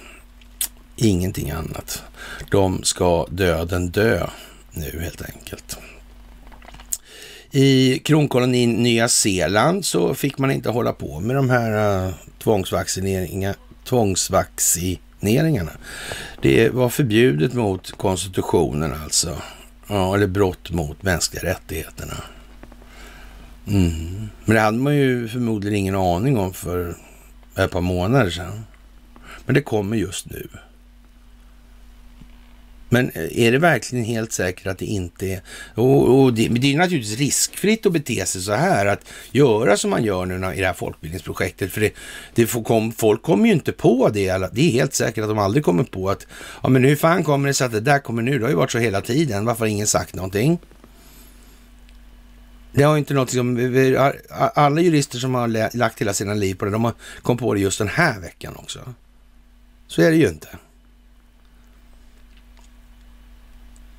Så det, det, kan ju verka väldigt sofistikerad, eh, eller vara en sofistikerad planering, men i själva verket så går det ju ändå liksom lite på, ja, det är ju knappt runda hjulen, så det rullar lite lutar. Det är ju nästan fyrkantiga hjul liksom. Ja, kanske inte riktigt, men nästan alltså. Det ja, i alla fall. Nu är det i alla fall, det är uppenbart och alla blir jätteglada då för det där och, och, och Ja, det, det är ju lite illavarslande då när man skriver, någon skriver så här. Är det sant att mitt hjärta jublar? Men eh, alltså man borde ju bli förbannad. Att det är så jävla ludemässigt. Att, det, att vi har fyrkantiga hjul liksom. Det är ju det. Eh, eh, det, det går hem liksom. Sådär. Ja. Ja, ja. Men i alla fall, det är ju så. Och som sagt, eh, familjen Bidens korruptionsaffärer är ju inte den saken som kommer påverka den kommande utvecklingen minst då i det här. Och eh, ja, det här med radioaktiviteten, det är ju en, liksom en evig fråga här alltså. Och, och man har från olika mediers sida då påstått då att det är allt möjligt med Tjernobyl här. Mm, och vi tog upp det förra gången där och det är väldigt märkligt här, det här alltså. Det är något visst med det där helt enkelt. Man verkar ha gömt någonting innanför den här sarkofagen. Vad kan det vara för någonting? Ja. Och det, det behöver inte bara vara, vara liksom ja, kontraktet med firman på Bränslegatan 1 i Västerås. Alltså det kan finnas andra grejer också. Mm. Faktiskt. Ja, det är lite speciellt får man nog fan säga. Jaha, och eh, ja, det här med svenska vapen, det är ju någonting som man kanske ska ja, sätta sig in i lite mer. Hur länge har det hållit på så här egentligen? Och, och som sagt, 1919 kan man ju säga att då var det i alla fall klart då med Kruppbolagen och Bofors då. Då tillverkade man fältartilleriet då åt och licens då. Och det gjorde man liksom i, i, i absolut strikt brott mot, alltså det, det hade inte gått att göra mer, inte värre alltså så mot Versailles-traktaten. De var ju förvisso gjorda för att aldrig hålla, men det, det lämnar i alla fall en del ja, till betraktaren att tänka på här nu. Ja, och, och sen har vi det här med till exempel med Saab, vi har Junkerbombare och så vidare och, och så vidare och så vidare. Och så vidare där. Mm. Ja, vi fick ju många jobb då. Ja, och mycket pengar till samhället. Oj, oj, oj, oj, oj, oj, oj. Mm. Eller till någon annan enskild part kanske. Mm. Kanske var det väl det. Och eh, som sagt, i huvudsak då så är det ju, handlar det ju om, då, om en luftvärnsrobot och motsvarande ett pansarskott då, då. Det är ju lite vad det är det där alltså. Mm. Lite speciellt kanske det här nu. Och, och dessutom verkar ju, man säga, att mängden på det här pansarvapnet, alltså som antar 5000 enheter. Mhm. Ja, nu skjuter man ju inte ett i ett på dem, alltså det gör man ju inte, men man får nog räkna med att man, man, man, måste ha liksom, eh, det måste finnas ett rätt så stort behov av de där på något vis. Av någon anledning. Det kan, och anledningen känns ju inte vara den att liksom det finns så in i helvete med pansarfordon från Ryssland. Den sådär i tusental på det viset. Det här handlar ju om mera precisionsvisa insatser. Det är ju liksom inte eh, med, med stormning och så här det här handlar om. Även om svenska medier naturligtvis försöker göra gällande det. Och, och, det kan ju också vara en av anledningarna till att man så att säga, måste skyla över då att det faktiskt kanske redan finns vapen på plats i regionen som har ett ursprung som man inte kan skylta med utan att det skapar en jävla massa obehagliga frågor hur var det med de här, eh, köpte inte Sverige ett antal sådana här BMD BMP-vagnar, alltså sådana här pansarskyttefordon från kalla krigets dagar. Man, man, man renoverade upp dem där, har jag för mig. Stämmer inte det? Var det inte någon miloverkstad någonstans, typ i, i, i Umeå eller? Jo, jag tror det. Jag tror faktiskt. Vad tog de vägen sen de där? Mm. Jag vet inte riktigt. Jag vet inte. Men om de här pansarskyttefordonen som man väntar sig att komma i så stor omfattning. Det kan inte vara så att man flödar in vapen där nu för att gömma förekomsten av vapen som redan har funnits där tidigare. Och när det väl är 5000 nya i cirkulation på driven så är det ju oerhört svårt att... Men så skulle man ju aldrig göra naturligtvis. De har aldrig hållit på så förr. Inga Telubaffärer. Inga alls. Nej. Inga utbildade terrorister tidigare. Nej, inte alls. Inga fingrar i kakburken när det gällde Lockerby-bombningen. Nej, inte alls. Inga Robot 70-försäljningar. Inte något alls. Ja, men det är inte konstigt hur det här verkar hela tiden. det verkar gå igen liksom. Jag vet inte. Otroligt märkligt faktiskt. Ja, och eh, som sagt, det är ju lite speciellt det här, det får man ju säga eh, faktiskt. Och, och ja, lite tokigt snudd på alltså. Och eh, USAs tidigare president Donald Trump uppmanade i helgen Republikanerna att starta en utvald kommitté för att utreda familjen Bidens affärsverksamheter. Och det här med allmänna kommittéer, eller då som vi säger på svenska, jag plägar göra i alla fall, det här med oberoende kommittéer, det, det, det kanske vi ska akta oss lite grann för. Utan vi ska nog sätta till en kommitté med en särskild målsättning så att säga och den ska så att säga vara glasklar och transparent i hela sin gärning. Mm. Det är ju liksom, det ska inte utbredas om ifall på det viset. Det ska inte vara öppet på det viset. Det ska fastställas att det är ett aktivt deltagande i eller också är det inte det. Det ska inte avslutas med det går inte att utesluta på ett svenskt vis. Utan det, och, och som statsoffentliga utredningar 99,20 gör på så många ställen. Det måste andra göra sen. Det överlåter vi till eftervärlden. Men det, det är inte okej. Okay. Det är inte okej. Okay. Det är bara skit.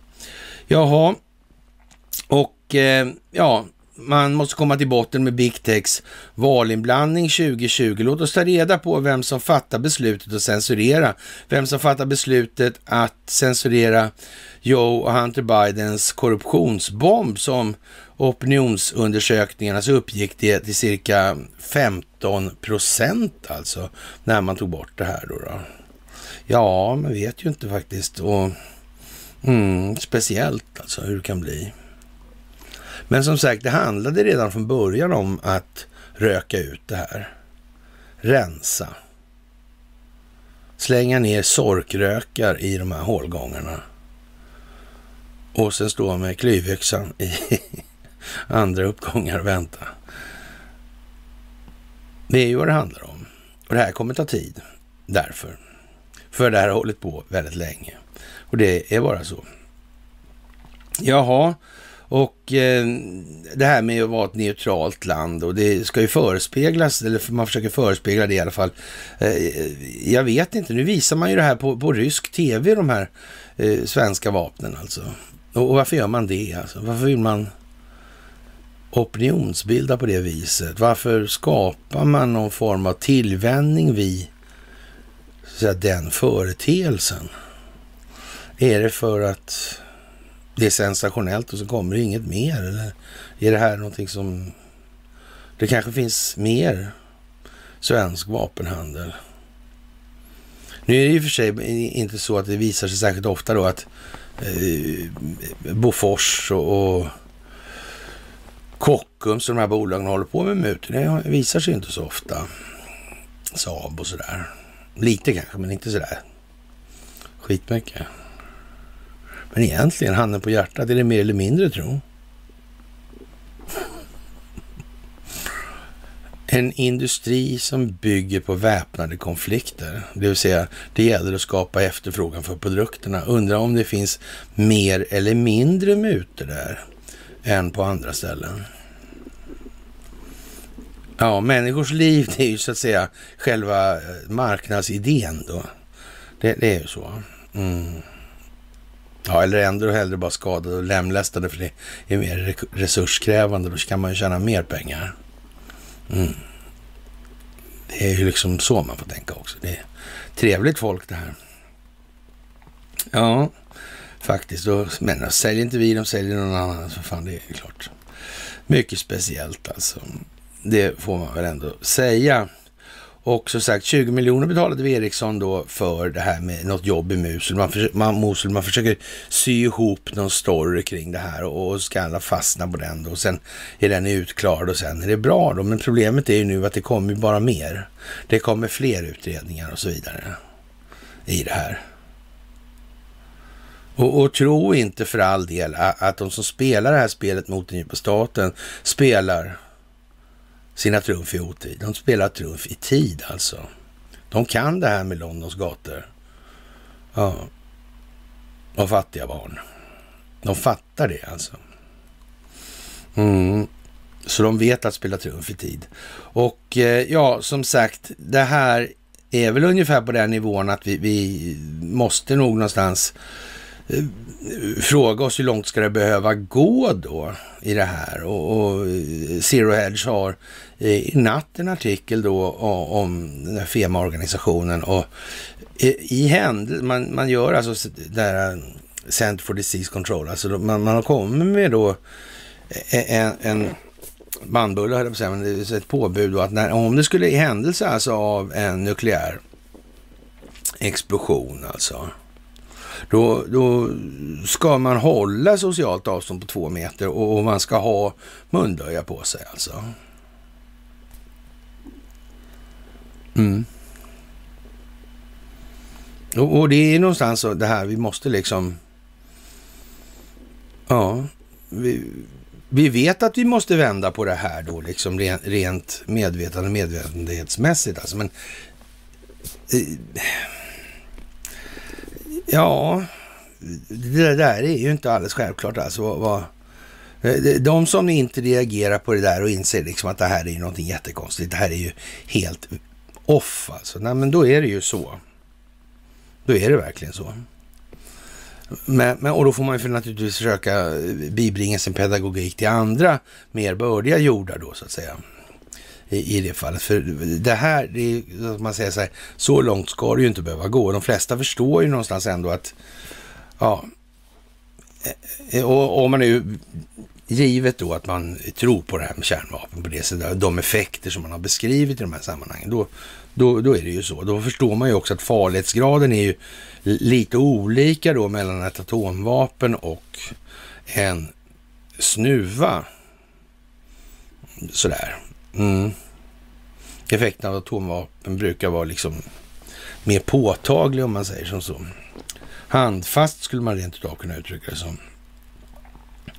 Jaha, och eh, man, gjorde inte, man visste inte om man gjorde alltså Ericssons sammanhang alltså. Och, ja, Ericsson har inte haft någon önskan eller uppsåt att det ska begås brott mot mänskligheten, men har, man har betalt till IS i medvetande om att man betalar att till, till en organisation alltså, som i stort sett uteslutande sysslar med kriminell verksamhet och brott mot mänskligheten, säger advokaten och folkrättsjuristen Sten De Geer. Misstänkt namn då, va? Ja som anser att en åklagare som tar del av rapporten inte har något annat val än att inleda en förundersökning. Och, och det verkar väl vara, eh, låta rätt så tryggt för eh, ja, Erikssons vidkommande. Alltså det svenska åklageriet det går ju knappast till hävden som där de flesta naturliga ledarna hysterar, så kan vi väl säga utan vidare. Och eh, med det sagt så, så, har man ju faktiskt tagit fasta på just det problemet. Och, och, det kommer ju naturligtvis med tiden att visa sig att det är precis exakt som jag säger i den meningen också. Faktiskt. Och eh, de har ju naturligtvis Alltså sådana här som Sven-Erik Alhelm och Christer van der Kvast och så vidare. Det är ju konstigt att de här åklagarna har blivit så kända för, för så märkliga... Det, det, det som man, den här Madame Ny alltså med Julian Assange däremot, det, där kan man nästan tänka sig att det finns lite argan list alltså. Så dumma var inte de som satt i det här spelet. Det skulle man kunna tänka sig att hon hon är en av anledningarna till att Robert O'Brien sa att det här handlar om det svenska rättssystemet. Marianne Ny kan mycket väl ha varit på båten i det här alltså. För rätt sida alltså. Men det här måste göras på det sätt som det görs. Julian Assange måste förhöras inför senat och kongress. Han måste hjälpa till att exponera det här också. Så är det. Och som sagt, USAs närmaste partner i Europa är alltså Sverige, enligt honom. Och det kanske man ska tänka på. Och eh, ja, Ericssons Irakaffärer kan vara folkrättsbrott, säger då ett antal jurister. Och det kan man ju tänka sig att det kan det vara. Och vad leder då det här fram till? Ja, måste det bli någon form av ansvar någonstans i det här. Och återigen, det, det är konstigt det här. Och, och det kommer mycket nu också. Och det är samtidigt som de här sanktionerna mot Ryssland. Ja. Och de här sanktionerna mot Ryssland får Medvedev att reagera som han gör. Och det där är ju märkligt alltså. Det är ju konstigt alltså. Ja, faktiskt. Det där är ju jättekonstigt att det kommer så här nu också. Jag vet inte, lite speciellt. Och ja, kan det sitta ihop alltså sådär på något vis? Och, vad har vi sagt om det? Hur ska det gå med Ericsson sådär egentligen? Har vi nämnt det tidigare och sådär liksom? Men då har vi ju bara tagit det. Då har vi inte sytt det bakifrån som det här alltså. Ja, men nu verkar vi komma dit som vi sa, liksom var helt taget ur luften bara sådär. Så ryckte vi en fras och sen vart det rätt liksom. Mm. Nu är den ju uttalad på det viset också. Vi kommer tillbaka till det alldeles, alldeles strax också. EU då tänker, ja, leverera pengar, eller ge bidrag då till Ukraina med 500 miljoner dollar, alltså ungefär 5 miljarder spänn. Alltså för första gången i blockens historia så kan man gynna vapenindustrin på det sättet alltså. Och det kan man ju tycka är schysst då mot, mot Börje och grabbarna. Så för det behövs ju lite stridsledning och sådana här prylar också. Det kanske räcker till en Global Eye eller två, jag vet inte. Ja, det är Europeiska fredsfaciliteten alltså. Lustigt ord det där alltså. Facilitet kom jag på. Jag tänkte på en speciell jurist då faktiskt. Ja. Och eh, det här var eh, speciellt. Alltså vad var det här med den här Starlink-syftet? Vilka har helt plötsligt förlorat makten över informationsflödet globalt? Om, om man bortser från Ryssland då kanske som har, har, en annan idé om hur det ska hanteras kanske. Ja. Normalt så, sett så får man internet via fiberoptik som är sårbar eftersom den går genom ja, exempelvis kablar som kan slås ut av misstag eller avsiktligt naturligtvis, eller rent av eh, stoppas då signalvägen. Alltså. Starlink däremot har inga kablar och fungerar så länge satelliterna befinner sig i rymden, alltså givet då en viss hårdvara och mjukvara då. Och Elon Musk fixade alltså internet i Ukraina på några timmar och då, det var ju lite speciellt. Och har det väl blivit en sån läcka, då är det ju liksom ingen idé att, stå och hålla emot tvärt åt andra hållet. Det kommer ju inte... Det båtar ju föga så att säga. Så det räcker ju med en sån här breach då, eller vad man ska säga, så blir de ju tvungna att liksom bete sig helt annorlunda. Nu kommer ju de här, alltså det här inkonsistenta, det kommer ju upp till ytan direkt nu. Alltså det ser ju alla, det där är helt oseriöst. Det är inte seriöst att ha folk springande omkring med målade uh, träbitar och, och spela mangas liksom på bild. Det, är, det, det, det, ser ju folk rakt av. Alltså den här som tappar magasinet också bakom Poroshenko. Det är många sådana här grejer alltså. Som sagt, Tulsi Gabbard, hon kör på ordentligt och Hillary Clinton sitter ju där hon sitter alltså nu i det här. Och, och, det kan bli allt ifrån dråpligt till ja, överkant elakt skulle jag kunna säga. Det kan bli så. Vi får inte så att säga helt utesluta att det blir ja, ja, lite illa också så här. Och ja, det är ju någonting enormt när det här kommer i Guardian med Ericsson och mutorna. Och, och varför, varför, slår de upp det här då, då? Kan det vara så att det här är systematiserat på ett sätt som stora delar av jordens underrättelsetjänster faktiskt är medvetna om? Eftersom de använder systemen själva i det här. Och de har ju i sin tur utgjort en viss legitimitet till Ericsson. Det är ju liksom man, om det är Ericsson som styr underrättelsetjänstkollektivet i, i den meningen att det är telekominfrastrukturen, ja då är det ju inte så lätt för enskilda stater att hålla på och, och tjattra. Gidra hit eller dit om det där, det går inte. Det finns inte en möjlighet alltså. Jaha, och eh, det här med att skicka pansarskotten, det är ju lite speciellt alltså. Det är 5000 alltså. Och vi får nog säga så här att den unika åtgärden som Mats Knutsson, då, den här byfånen från Jönköping då, med, ja, makalös lirare alltså. Han tycker det är en unik åtgärd och det kan man ju säga och, och så jävla unik är den knappast alltså. Det förekommer ju en hel del med slutanvändarintyg och så där. Det säljs vapen både upp och ner och kors och tvärs och, och så vidare. Och det, det fanns ju till och med några sådana stora tåglaster med krut sådär och, och till Östtyskland för säkerhets skull på den tiden muren fanns. Så det har aldrig funnits några spärrar på det viset alltså. Ja, ja. Det är ju, ja, trevligt att se att folk faktiskt förstår någonting. Och sen blir man naturligtvis upprörd på en del andra då, som det känns som de inte förstår någonting alls. Och det är ju lite sekt alltså, sådär. Men, men, det är som det är. Och eh, EU tycker för övrigt då att man ska ge stridsflyg då till eh, Ukraina. Och, och, det verkar ju lite liksom sådär lovande, men du vet, här, eller man kan säga att de här systemen är ju ganska omfattande, alltså underhåll och logistik och, och eldledning och, och, det ska vara kompatibilitet i... Eh, och, ja, Ukraina har ju eh, som gammalt Sovjetmakt den typen av system och väst har ett annat liksom. Och det känns ju lite, kan han bestämma det den här eh, Borrell då, att nu tar ni och, och får, här har ni lite flygplan liksom. Och sen är det bara att köra på något vis sådär. Så, så lirar det liksom. Stridsledningen och allting fungerar bara sådär. Mm, eller så är det ju inte så riktigt. Varför säger han sådär då? Det är jättekonstigt. Mm. Kanske han vill att de ska tänka till alltså.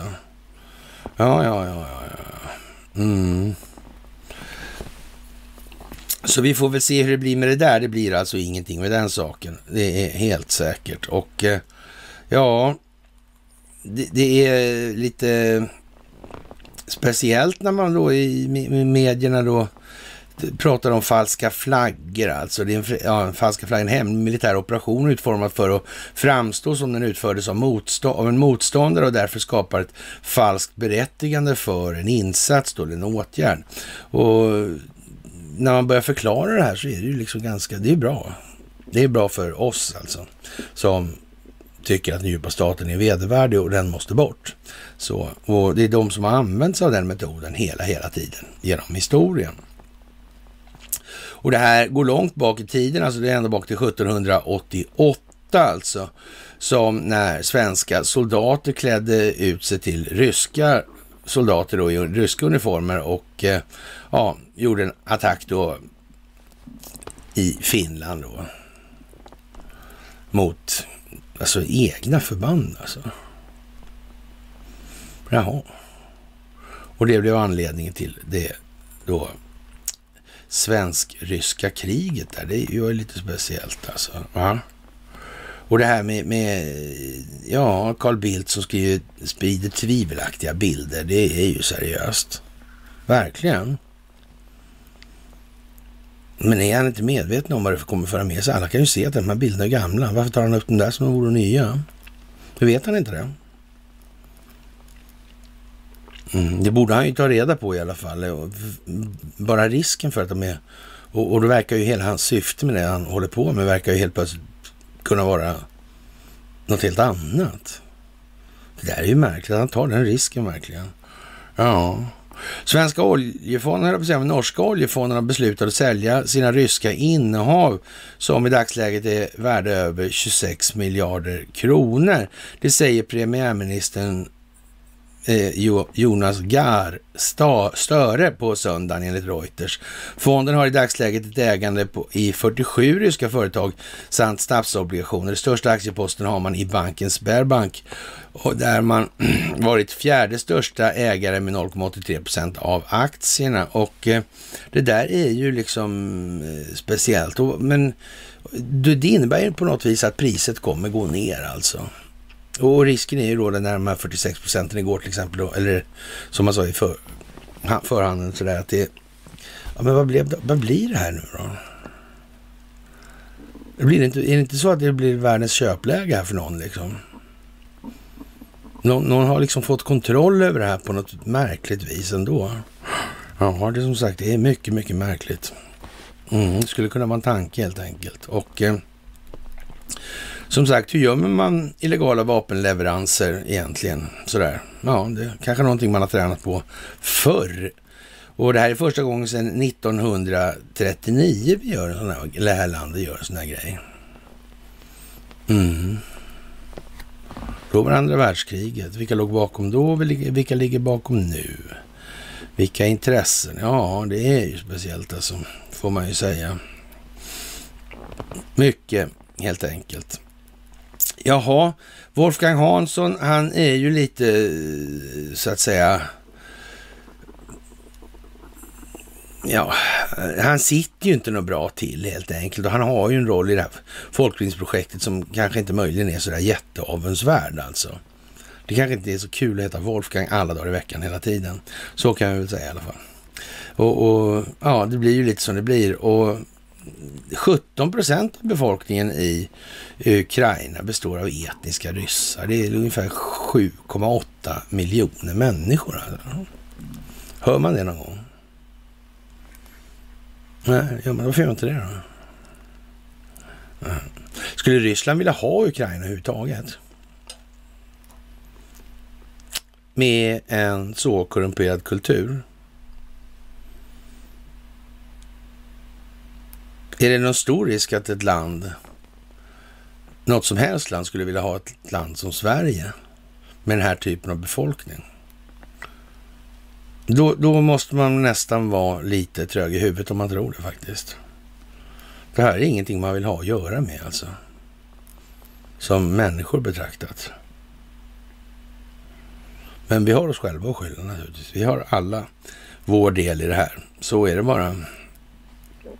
Ja, det är väl snudd på att man kan tänka sig att både Sverige och NATO hamnar med i, eller Sverige och Ukraina hamnar med i NATO bara för sakens skull då. För att visa överstatligheten i det här och det är inte alls så rimliga att det här ens förekommer. För som vi har sagt, vi har sagt det många gånger nu att det här kommer ju att ta en viss given utvecklingsriktning. Det måste ske så. Alltså det kan inte bli på något annat vis. Det är bara så. Och det kommer att gå som det ska med NATO. Det kommer att gå som det ska med EU och det kommer att gå som det ska med Israel och det brittiska kolonialväldet eller då brittiska samväldet. Det tror jag vi har sagt så många gånger så liknar ingenting och nu börjar till och med amerikanerna komma dit i de här sammanhangen. Och eh, ja, man vill då utesluta Ryssland ur VM när det gäller internationellt fotboll och ja, vad ska vi säga? Det, det är ju mest bara eh, ja, bedrövligt. Helt enkelt. Löjeväckande och ingenting annat är vad det här är. Men det måste så att säga det måste som sagt bli tydligt för fler människor och det är ju det det här handlar om alltihopa. Och eh, ja, det är många människor som börjar bli upprörda och Carl Bildt han publicerar bilder som är gamla då. Alltså det är, ja, Putin höjde beredskapen och Biden har ingen fotboll, på tal om fotboll då alltså. Och det handlar om då, han har inget mandat och han har ingen tillgång till kärnvapnen. Så när Lukasjenko och Putin höjer, som nu då, ja, då kan inte Biden höja beredskapen för kärnvapentrupperna i USA, för han har ingen tillgång till dem, för det är inte han som bestämmer. Det gör militären och där hade de ett problem redan från början i det här. Och ja, som sagt, det där fattar ni ju, eller fattar många av er i alla fall. Samtidigt som det kommer fram då att det finns inte då säkra linjer till bostaden i Delaware, där han vistas hela tiden på helgerna. Så han kan inte få några säkerhetsbriefingar på helgerna. Och, och då kan man väl säga sig då, då tror du väl fan då att han inte kan ha tillgång till kärnvapen bort om han har tillgång till informationen. Då vet man i alla fall, då kan det spåra ur sig. Det är liksom, informationen och kärnvapen måste finnas på samma plats. Så är det ju.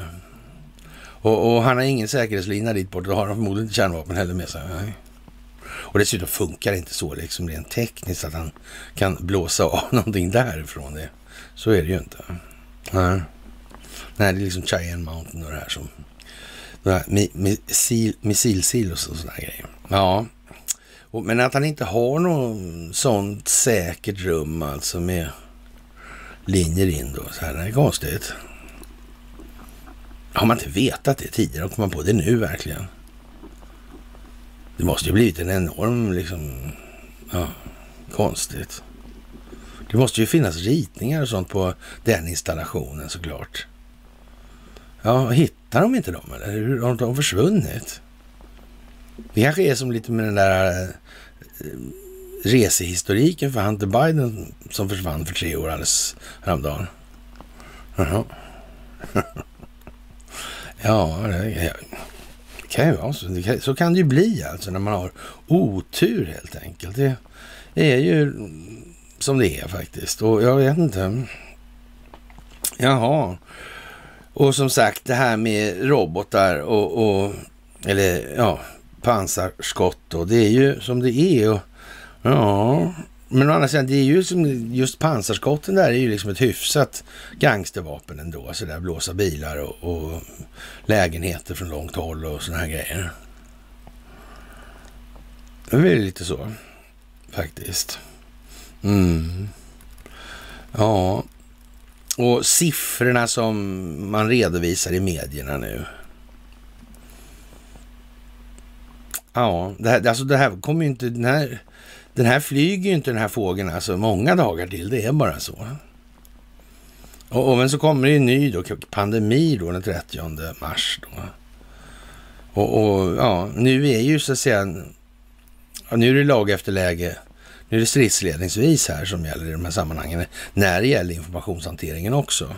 Det finns, alltså planeringshorisonterna är ju nere på svensk djupnivå eller vad vi ska kalla det för.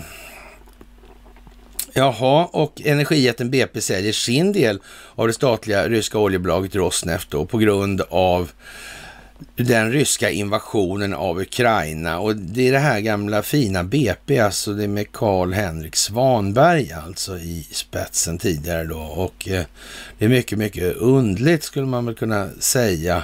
Eh, ja, vår involvering med Rosneft kan inte längre fortsätta.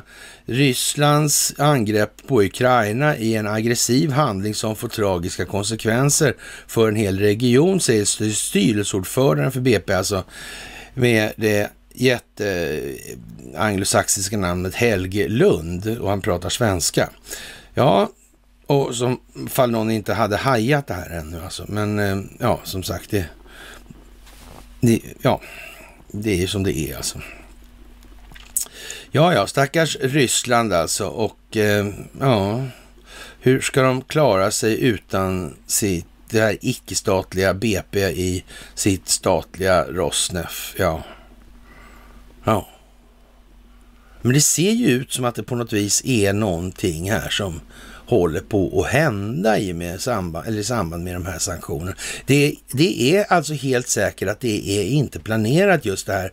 Eh, till, det är ju kanske till och med det som är den stora och starka delen i det här. Och sen blir det, och det här är ju ganska så att säga, eh, ja, det, det, ganska korta ställtider om man säger som så. Så det här går ju sen att effektuera eh, med en enorm hastighet alltså det, det, kommer ju bli helt annorlunda då alltså. Och, och, de kan ju ha tänkt på det alltså. Det är sådär uh, lite, ja. Och olja och gas undantas då i USAs och EUs sanktioner och det får man ju säga är lite speciellt också i det här. Det ger ju liksom någonstans, eh, va? Det är ju där det svider. Men det skiter de i.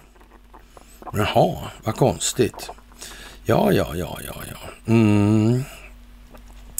Hemliga dokument, som sagt, kastar dokument, eller kastar ljus över Ericssons historia där. Och, och ja, det är ju ganska så anmärkningsvärt att det kommer upp som det gör nu på så bred front över ja, en global nivå alltså. Verkar som hon har tänkt till här också. Jag vet inte. Jaha, och eh, många har ju tyckt att det här är tråkigt med Carl Bildt och, och sådär. Och nu är han ju glad, Carl Bildt, lite grann då, för nu ska då de här uh, pansarskotten då levereras dit ner. Och jag vet inte. Han var ju särskild, eh, särskilt sändebud där. Hedersambassadör eller vad de kallar honom för. Ja, jag vet inte. Ja, jag undrar om han har dåligt samvete för något sådär. EU som sagt kommer stänga av RT och Sputnik och det är ju som det är bara faktiskt. Och man säger det och vi får väl se hur det blir med det ena eller det andra i det här. Och, och det får man nog finna sig i numera. Och eh, ja, hur var det här egentligen då med sanktionerna då? Alla ryska banker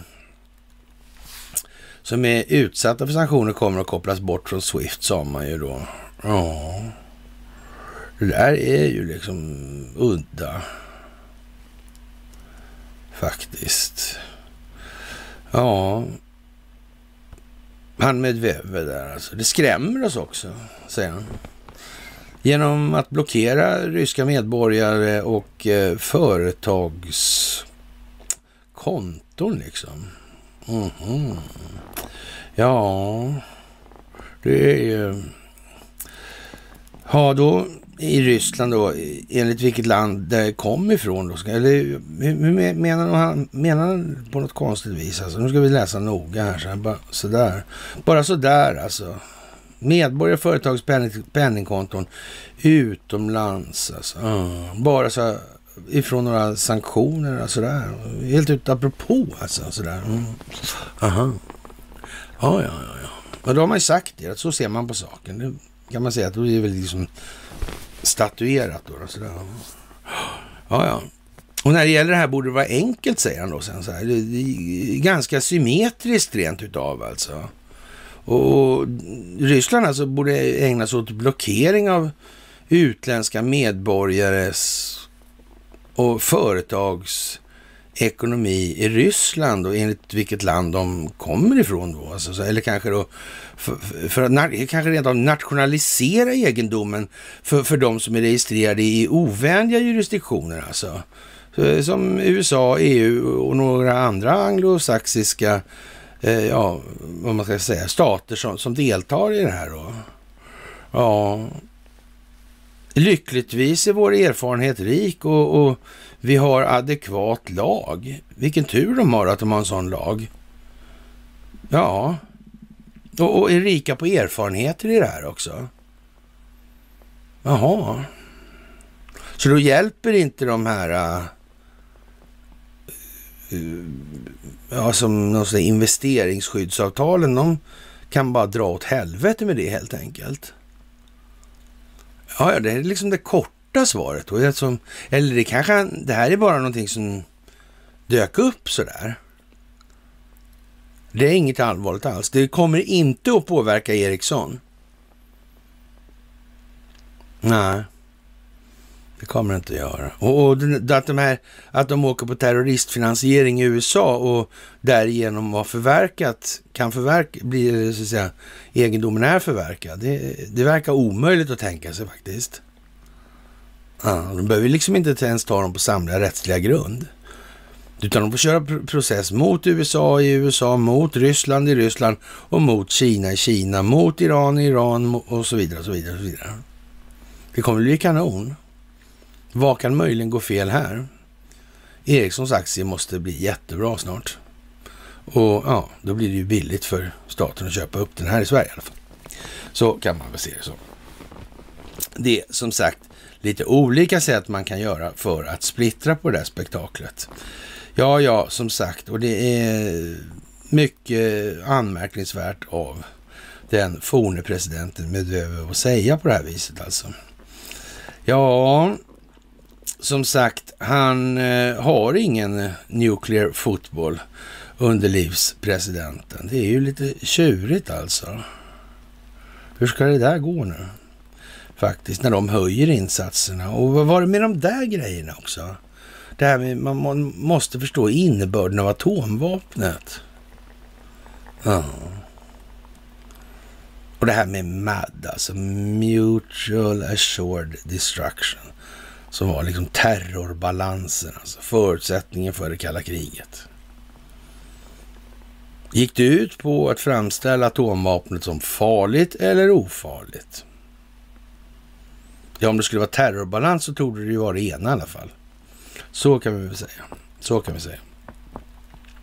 Ja, det är ju lite trevligt och igår så kunde man googla den djupa staten då i Turkiet och då fick man upp en gammal bild från den här Makety funktionen som fanns en gång i tiden. Och det var jag som la ut den där och den fanns på Google då. det här har tydligen hänt någonting, det här med sök funktionen har förändrats. Det är någonting med algoritmerna som har ändrats nu alltså. Det är någonting som har ändrats. Så är det ju. Ja, vi har varit på det lite grann här. Det kommer att bli andra siffror för väldigt många, åt olika håll då naturligtvis också. Vilket kanske kan vara värt att notera vad det lider. Och som sagt, satelliterna är igång ovanför Ukraina och eh, då är det ju som det är. Det är liksom ingen idé att fuska så mycket därifrån och de som håller på att fuska här kommer att bli beslagna med lögn helt enkelt. Och det är ju också trevligt i det här. Ja, och som sagt, efter städskandalen, nu vill Säpo registerkontrollera städpersonal, dagens juridik och det gäller Magdalena Andersson. Och som sagt, vi vet inte riktigt vad det där är för någonting alltså. Det är, ja, vem är det som kollar på mass, eller styr massmedia till exempel? Ja, Redby Media, media är ju någonting sånt som man bör känna till numera helt enkelt. Och eh, ja, här i Sverige har vi då en mer eller mindre löjeväckande situation när vi ger 100 miljoner extra i stöd till Ukraina då. Och ja, det naturligtvis tycker ju många är rent anstötligt och ja, whatever då liksom. Som sagt, men eh, världens mest korrumperade företag, Ericsson och Telia, har lyckats korrumpera regeringar och statsförvaltningar runt om i världen. Och hur kan det då möjligen se ut här i Sverige?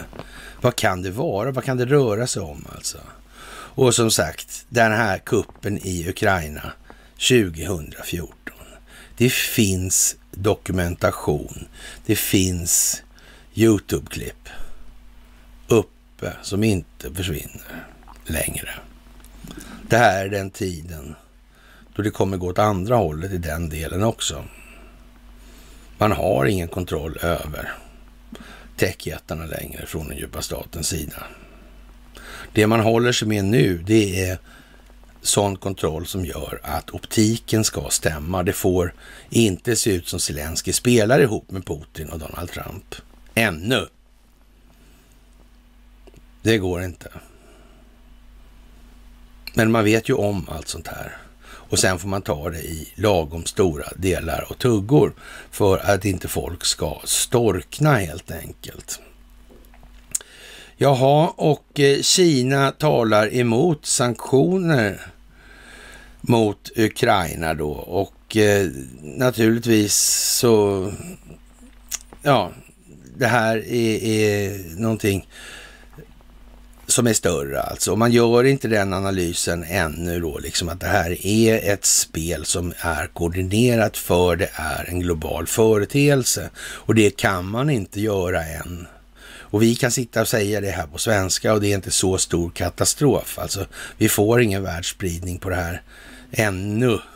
Utan det är väl klart att det sitter folk och tittar som är initierade och tycker liksom och hytter med näven och tycker att ska ska säga det där nu och alla andra håller på och bromsar och håller igen då. Ja, i den meningen. Men det gör liksom inte, det kan inte möjligtvis göra särskilt mycket. Det ändras liksom inga strategiska planeringar bara för vi sitter här och säger det. Det gör inte det alltså. Det, det hinner aldrig, opinionen, den är vad den är. Det går, så, det går så sakta i alla fall, även om det går väldigt mycket fortare än vad det någonsin har gjort förut. Och eh, som sagt, det, Kina har ju lite att göra med Sverige och det har lite att göra med Ericsson, det har lite att göra med ABB. Det kan man ju säga. Och Ryssland har lite eh, ABB-verksamhet i landet tror jag. Och, och, det kanske är så med det företaget också, precis som i Ericsson. Vem vet, vem vet? Kanske det, kanske det är Atlas Copco, kanske finns någonstans, de här dammar finns lite överallt också. Kraftförsörjning finns lite överallt också. Ja, kan vara så. Det kan ligga liksom i farans riktning att de har tänkt liksom att det, det där kan man nog möjligen sno åt sig alltså. Ja. Eh, det skulle kunna vara så alltså. Och som sagt, det är ju lite speciellt alltså. Mm. Och ja, det här med Joe Biden, New Sweden, Delaware och så vidare. Det är ju lite... Och som sagt Zuckerbergs 417 miljoner dollar där. Han får ge 6 000 som enskild individ. Han går 417, verkar lite övermaga nästan. Nästan som man, inte det att mucka gräl nästan skulle man kunna säga. Tänkte han att ingen skulle upptäcka det alltså. Han går bort 5 miljarder spänn. En standard Ericsson-muta rent utav. Alltså, lite så.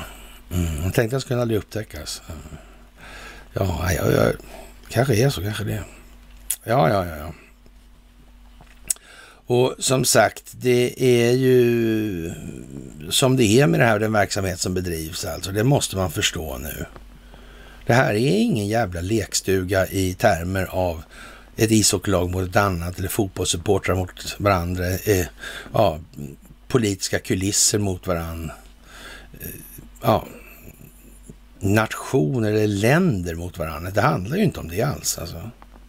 Det här är ett gemensamt projekt och vi har vår del i det här och vi sitter närmast kärnan och då måste man ta med fan veta vad Investor är för någonting. Man måste känna till grunden, fundamentet, de internationella kopplingarna, de djupa, djupa statens framväxt i modern form, alltså det moderna underrättelsetjänstkollektivets framväxt i sin moderna form. Hur är det kopplat till CIA?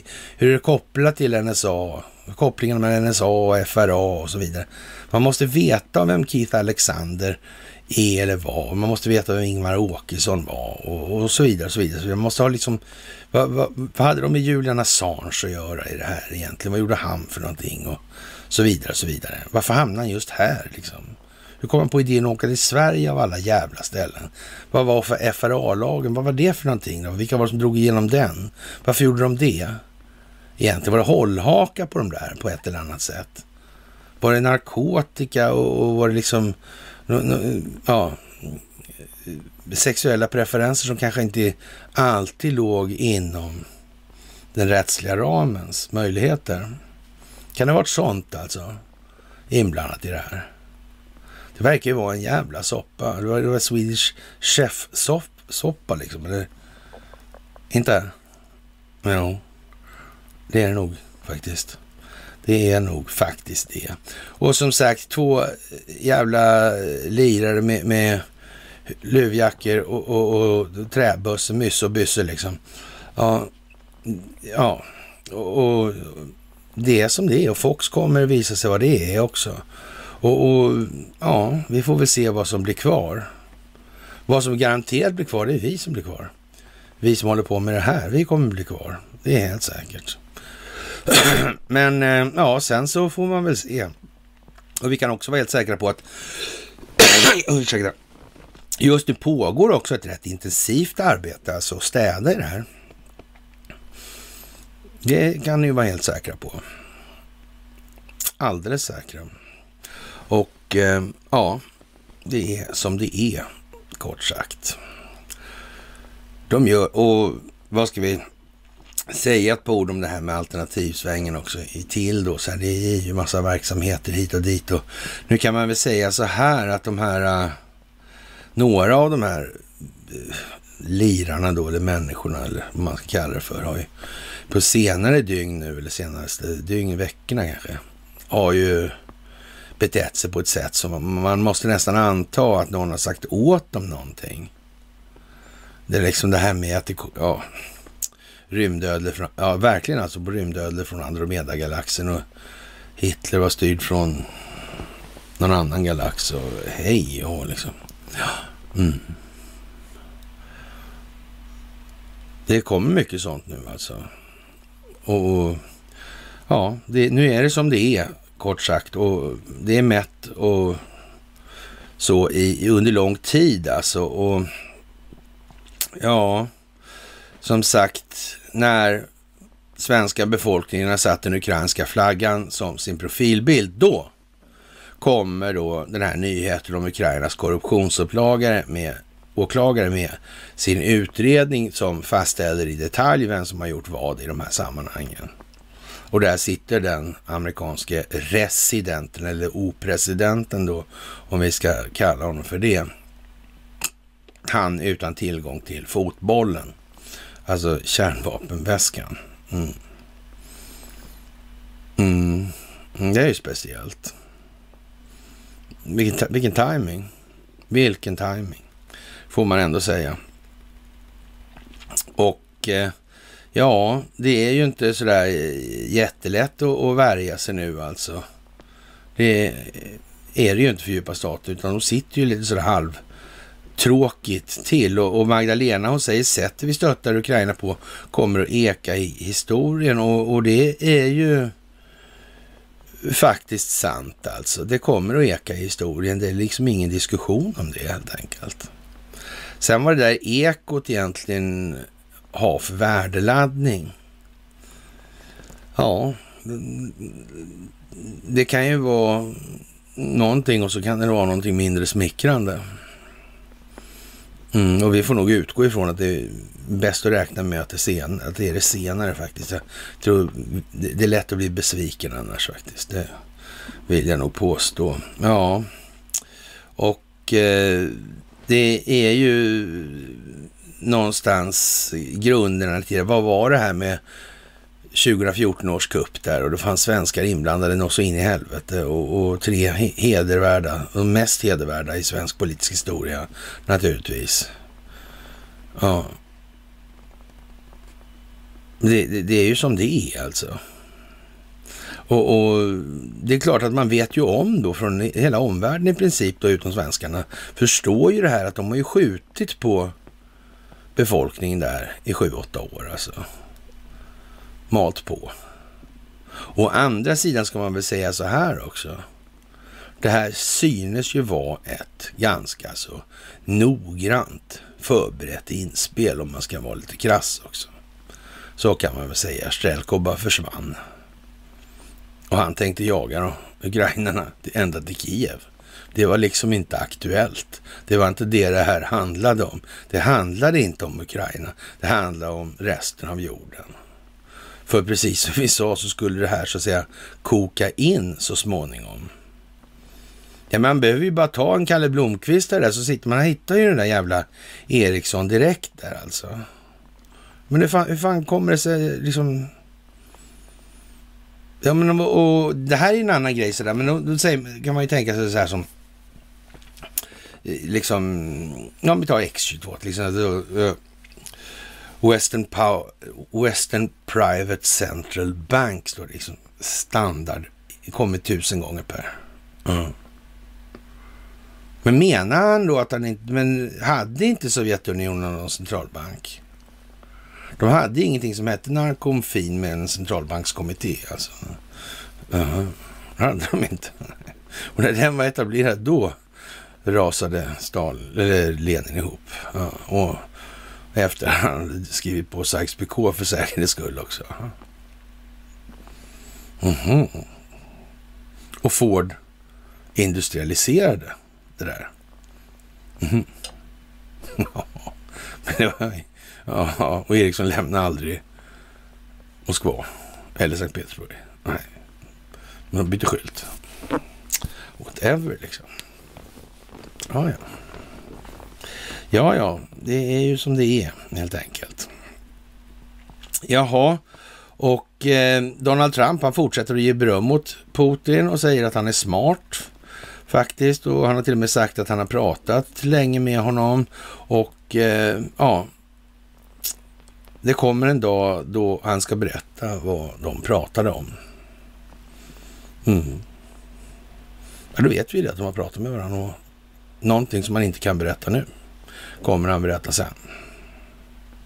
Det går inte tydligare än så nu. Sen kan man tycka vad man vill om det helt enkelt. Det är i alla fall som det är. Och med det kära vänner så har vi börjat den här veckan med en måndag och eh, jag får väl eh, önska er en trevlig måndagkväll så hörs vi senast på onsdag. Och återigen, ni ska ha tack för allt ni gör och ni ska ha ett jättetack för gåvor på Swish och Patreon. Ett jättetack för att ni fördjupar er på karlnorberg.se och ett stort tack för att ni följer Telegramtjänsten. Med det så säger vi hej och tack för idag så syns vi på måndag.